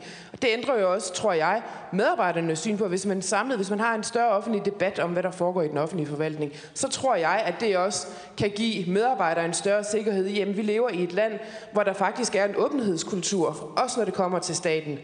Øhm, og hvor vi i dag, tror jeg, bilder os ind i Danmark, at vi er vi er et demokratisk land, men vi bilder også også ind, at vi er sådan et meget åbent land, og der hersker en meget stor åbenhed omkring den offentlige forvaltning. Det er jeg simpelthen uenig i. Altså vi har sammenlignet med andre lande, som vi normalt sammenligner os med, en ret restriktiv offentlighedslov. Øh, der er også lange sagsbehandlingstider øh, på anmodning om aktindsigt, for eksempel hvis man sammenligner med Sverige. Så det, er jo en, så det er jo en del af en større debat, der handler om, hvor meget åbenhed skal der være omkring øh, den offentlige forvaltning. Og der mener jeg, at, øh, at vi har meget arbejde, der ligger foran os. Vi har jo forsøgt i den her valgperiode øh, at få lempet offentlighedsloven, altså få rullet gardinerne lidt ned, så det bliver lettere øh, for pressen og øh, at få svar på, på agtindsigt, eller få svar på anmodning af agtindsigt, det er ikke lykkedes, simpelthen fordi, at forligskredsen spænder meget, meget vidt. Der er meget store politiske uenigheder. Det er jo sådan set fair nok, det er sådan, det er. Øh, men det mener jeg, at det, den, at, at, at det her med whistleblower-ordning er jo en del af en større politisk debat omkring, hvor meget skal man ture åbne op omkring den offentlige forvaltning. Og tør man det, så tror jeg sådan set også, at det sætter sig i, øh, i medarbejderledet, fordi man lever i, at man er en del af et samfund, en del af en kultur, hvor åbenhed er normen. Yes. Tak for det, Christine. Tak til jer alle sammen. Giv den hånd.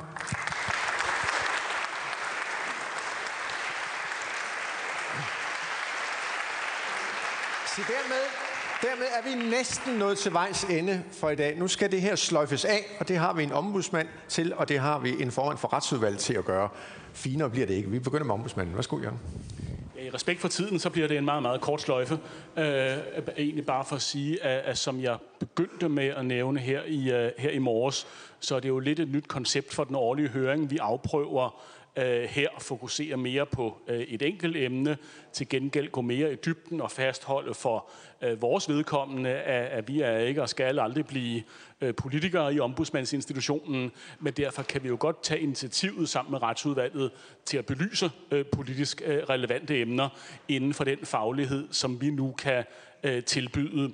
Så det er det, vi har forsøgt her i øh, dag. Jeg tror, vi vil tillade os at skrive ud til jer øh, om ikke så mange dage og spørge, hvad I har ment øh, om arrangementet, for det vil kun styrke vores grundlag for at finde ud af i samarbejde med retsudvalget og under retsudvalgets endelige instruks naturligvis, øh, hvordan det her skal gøres øh, fremover. Men, men mange tak for opmærksomheden, og tak for interessen, og så skynder jeg mig at give ordet videre til formanden for retsudvalget.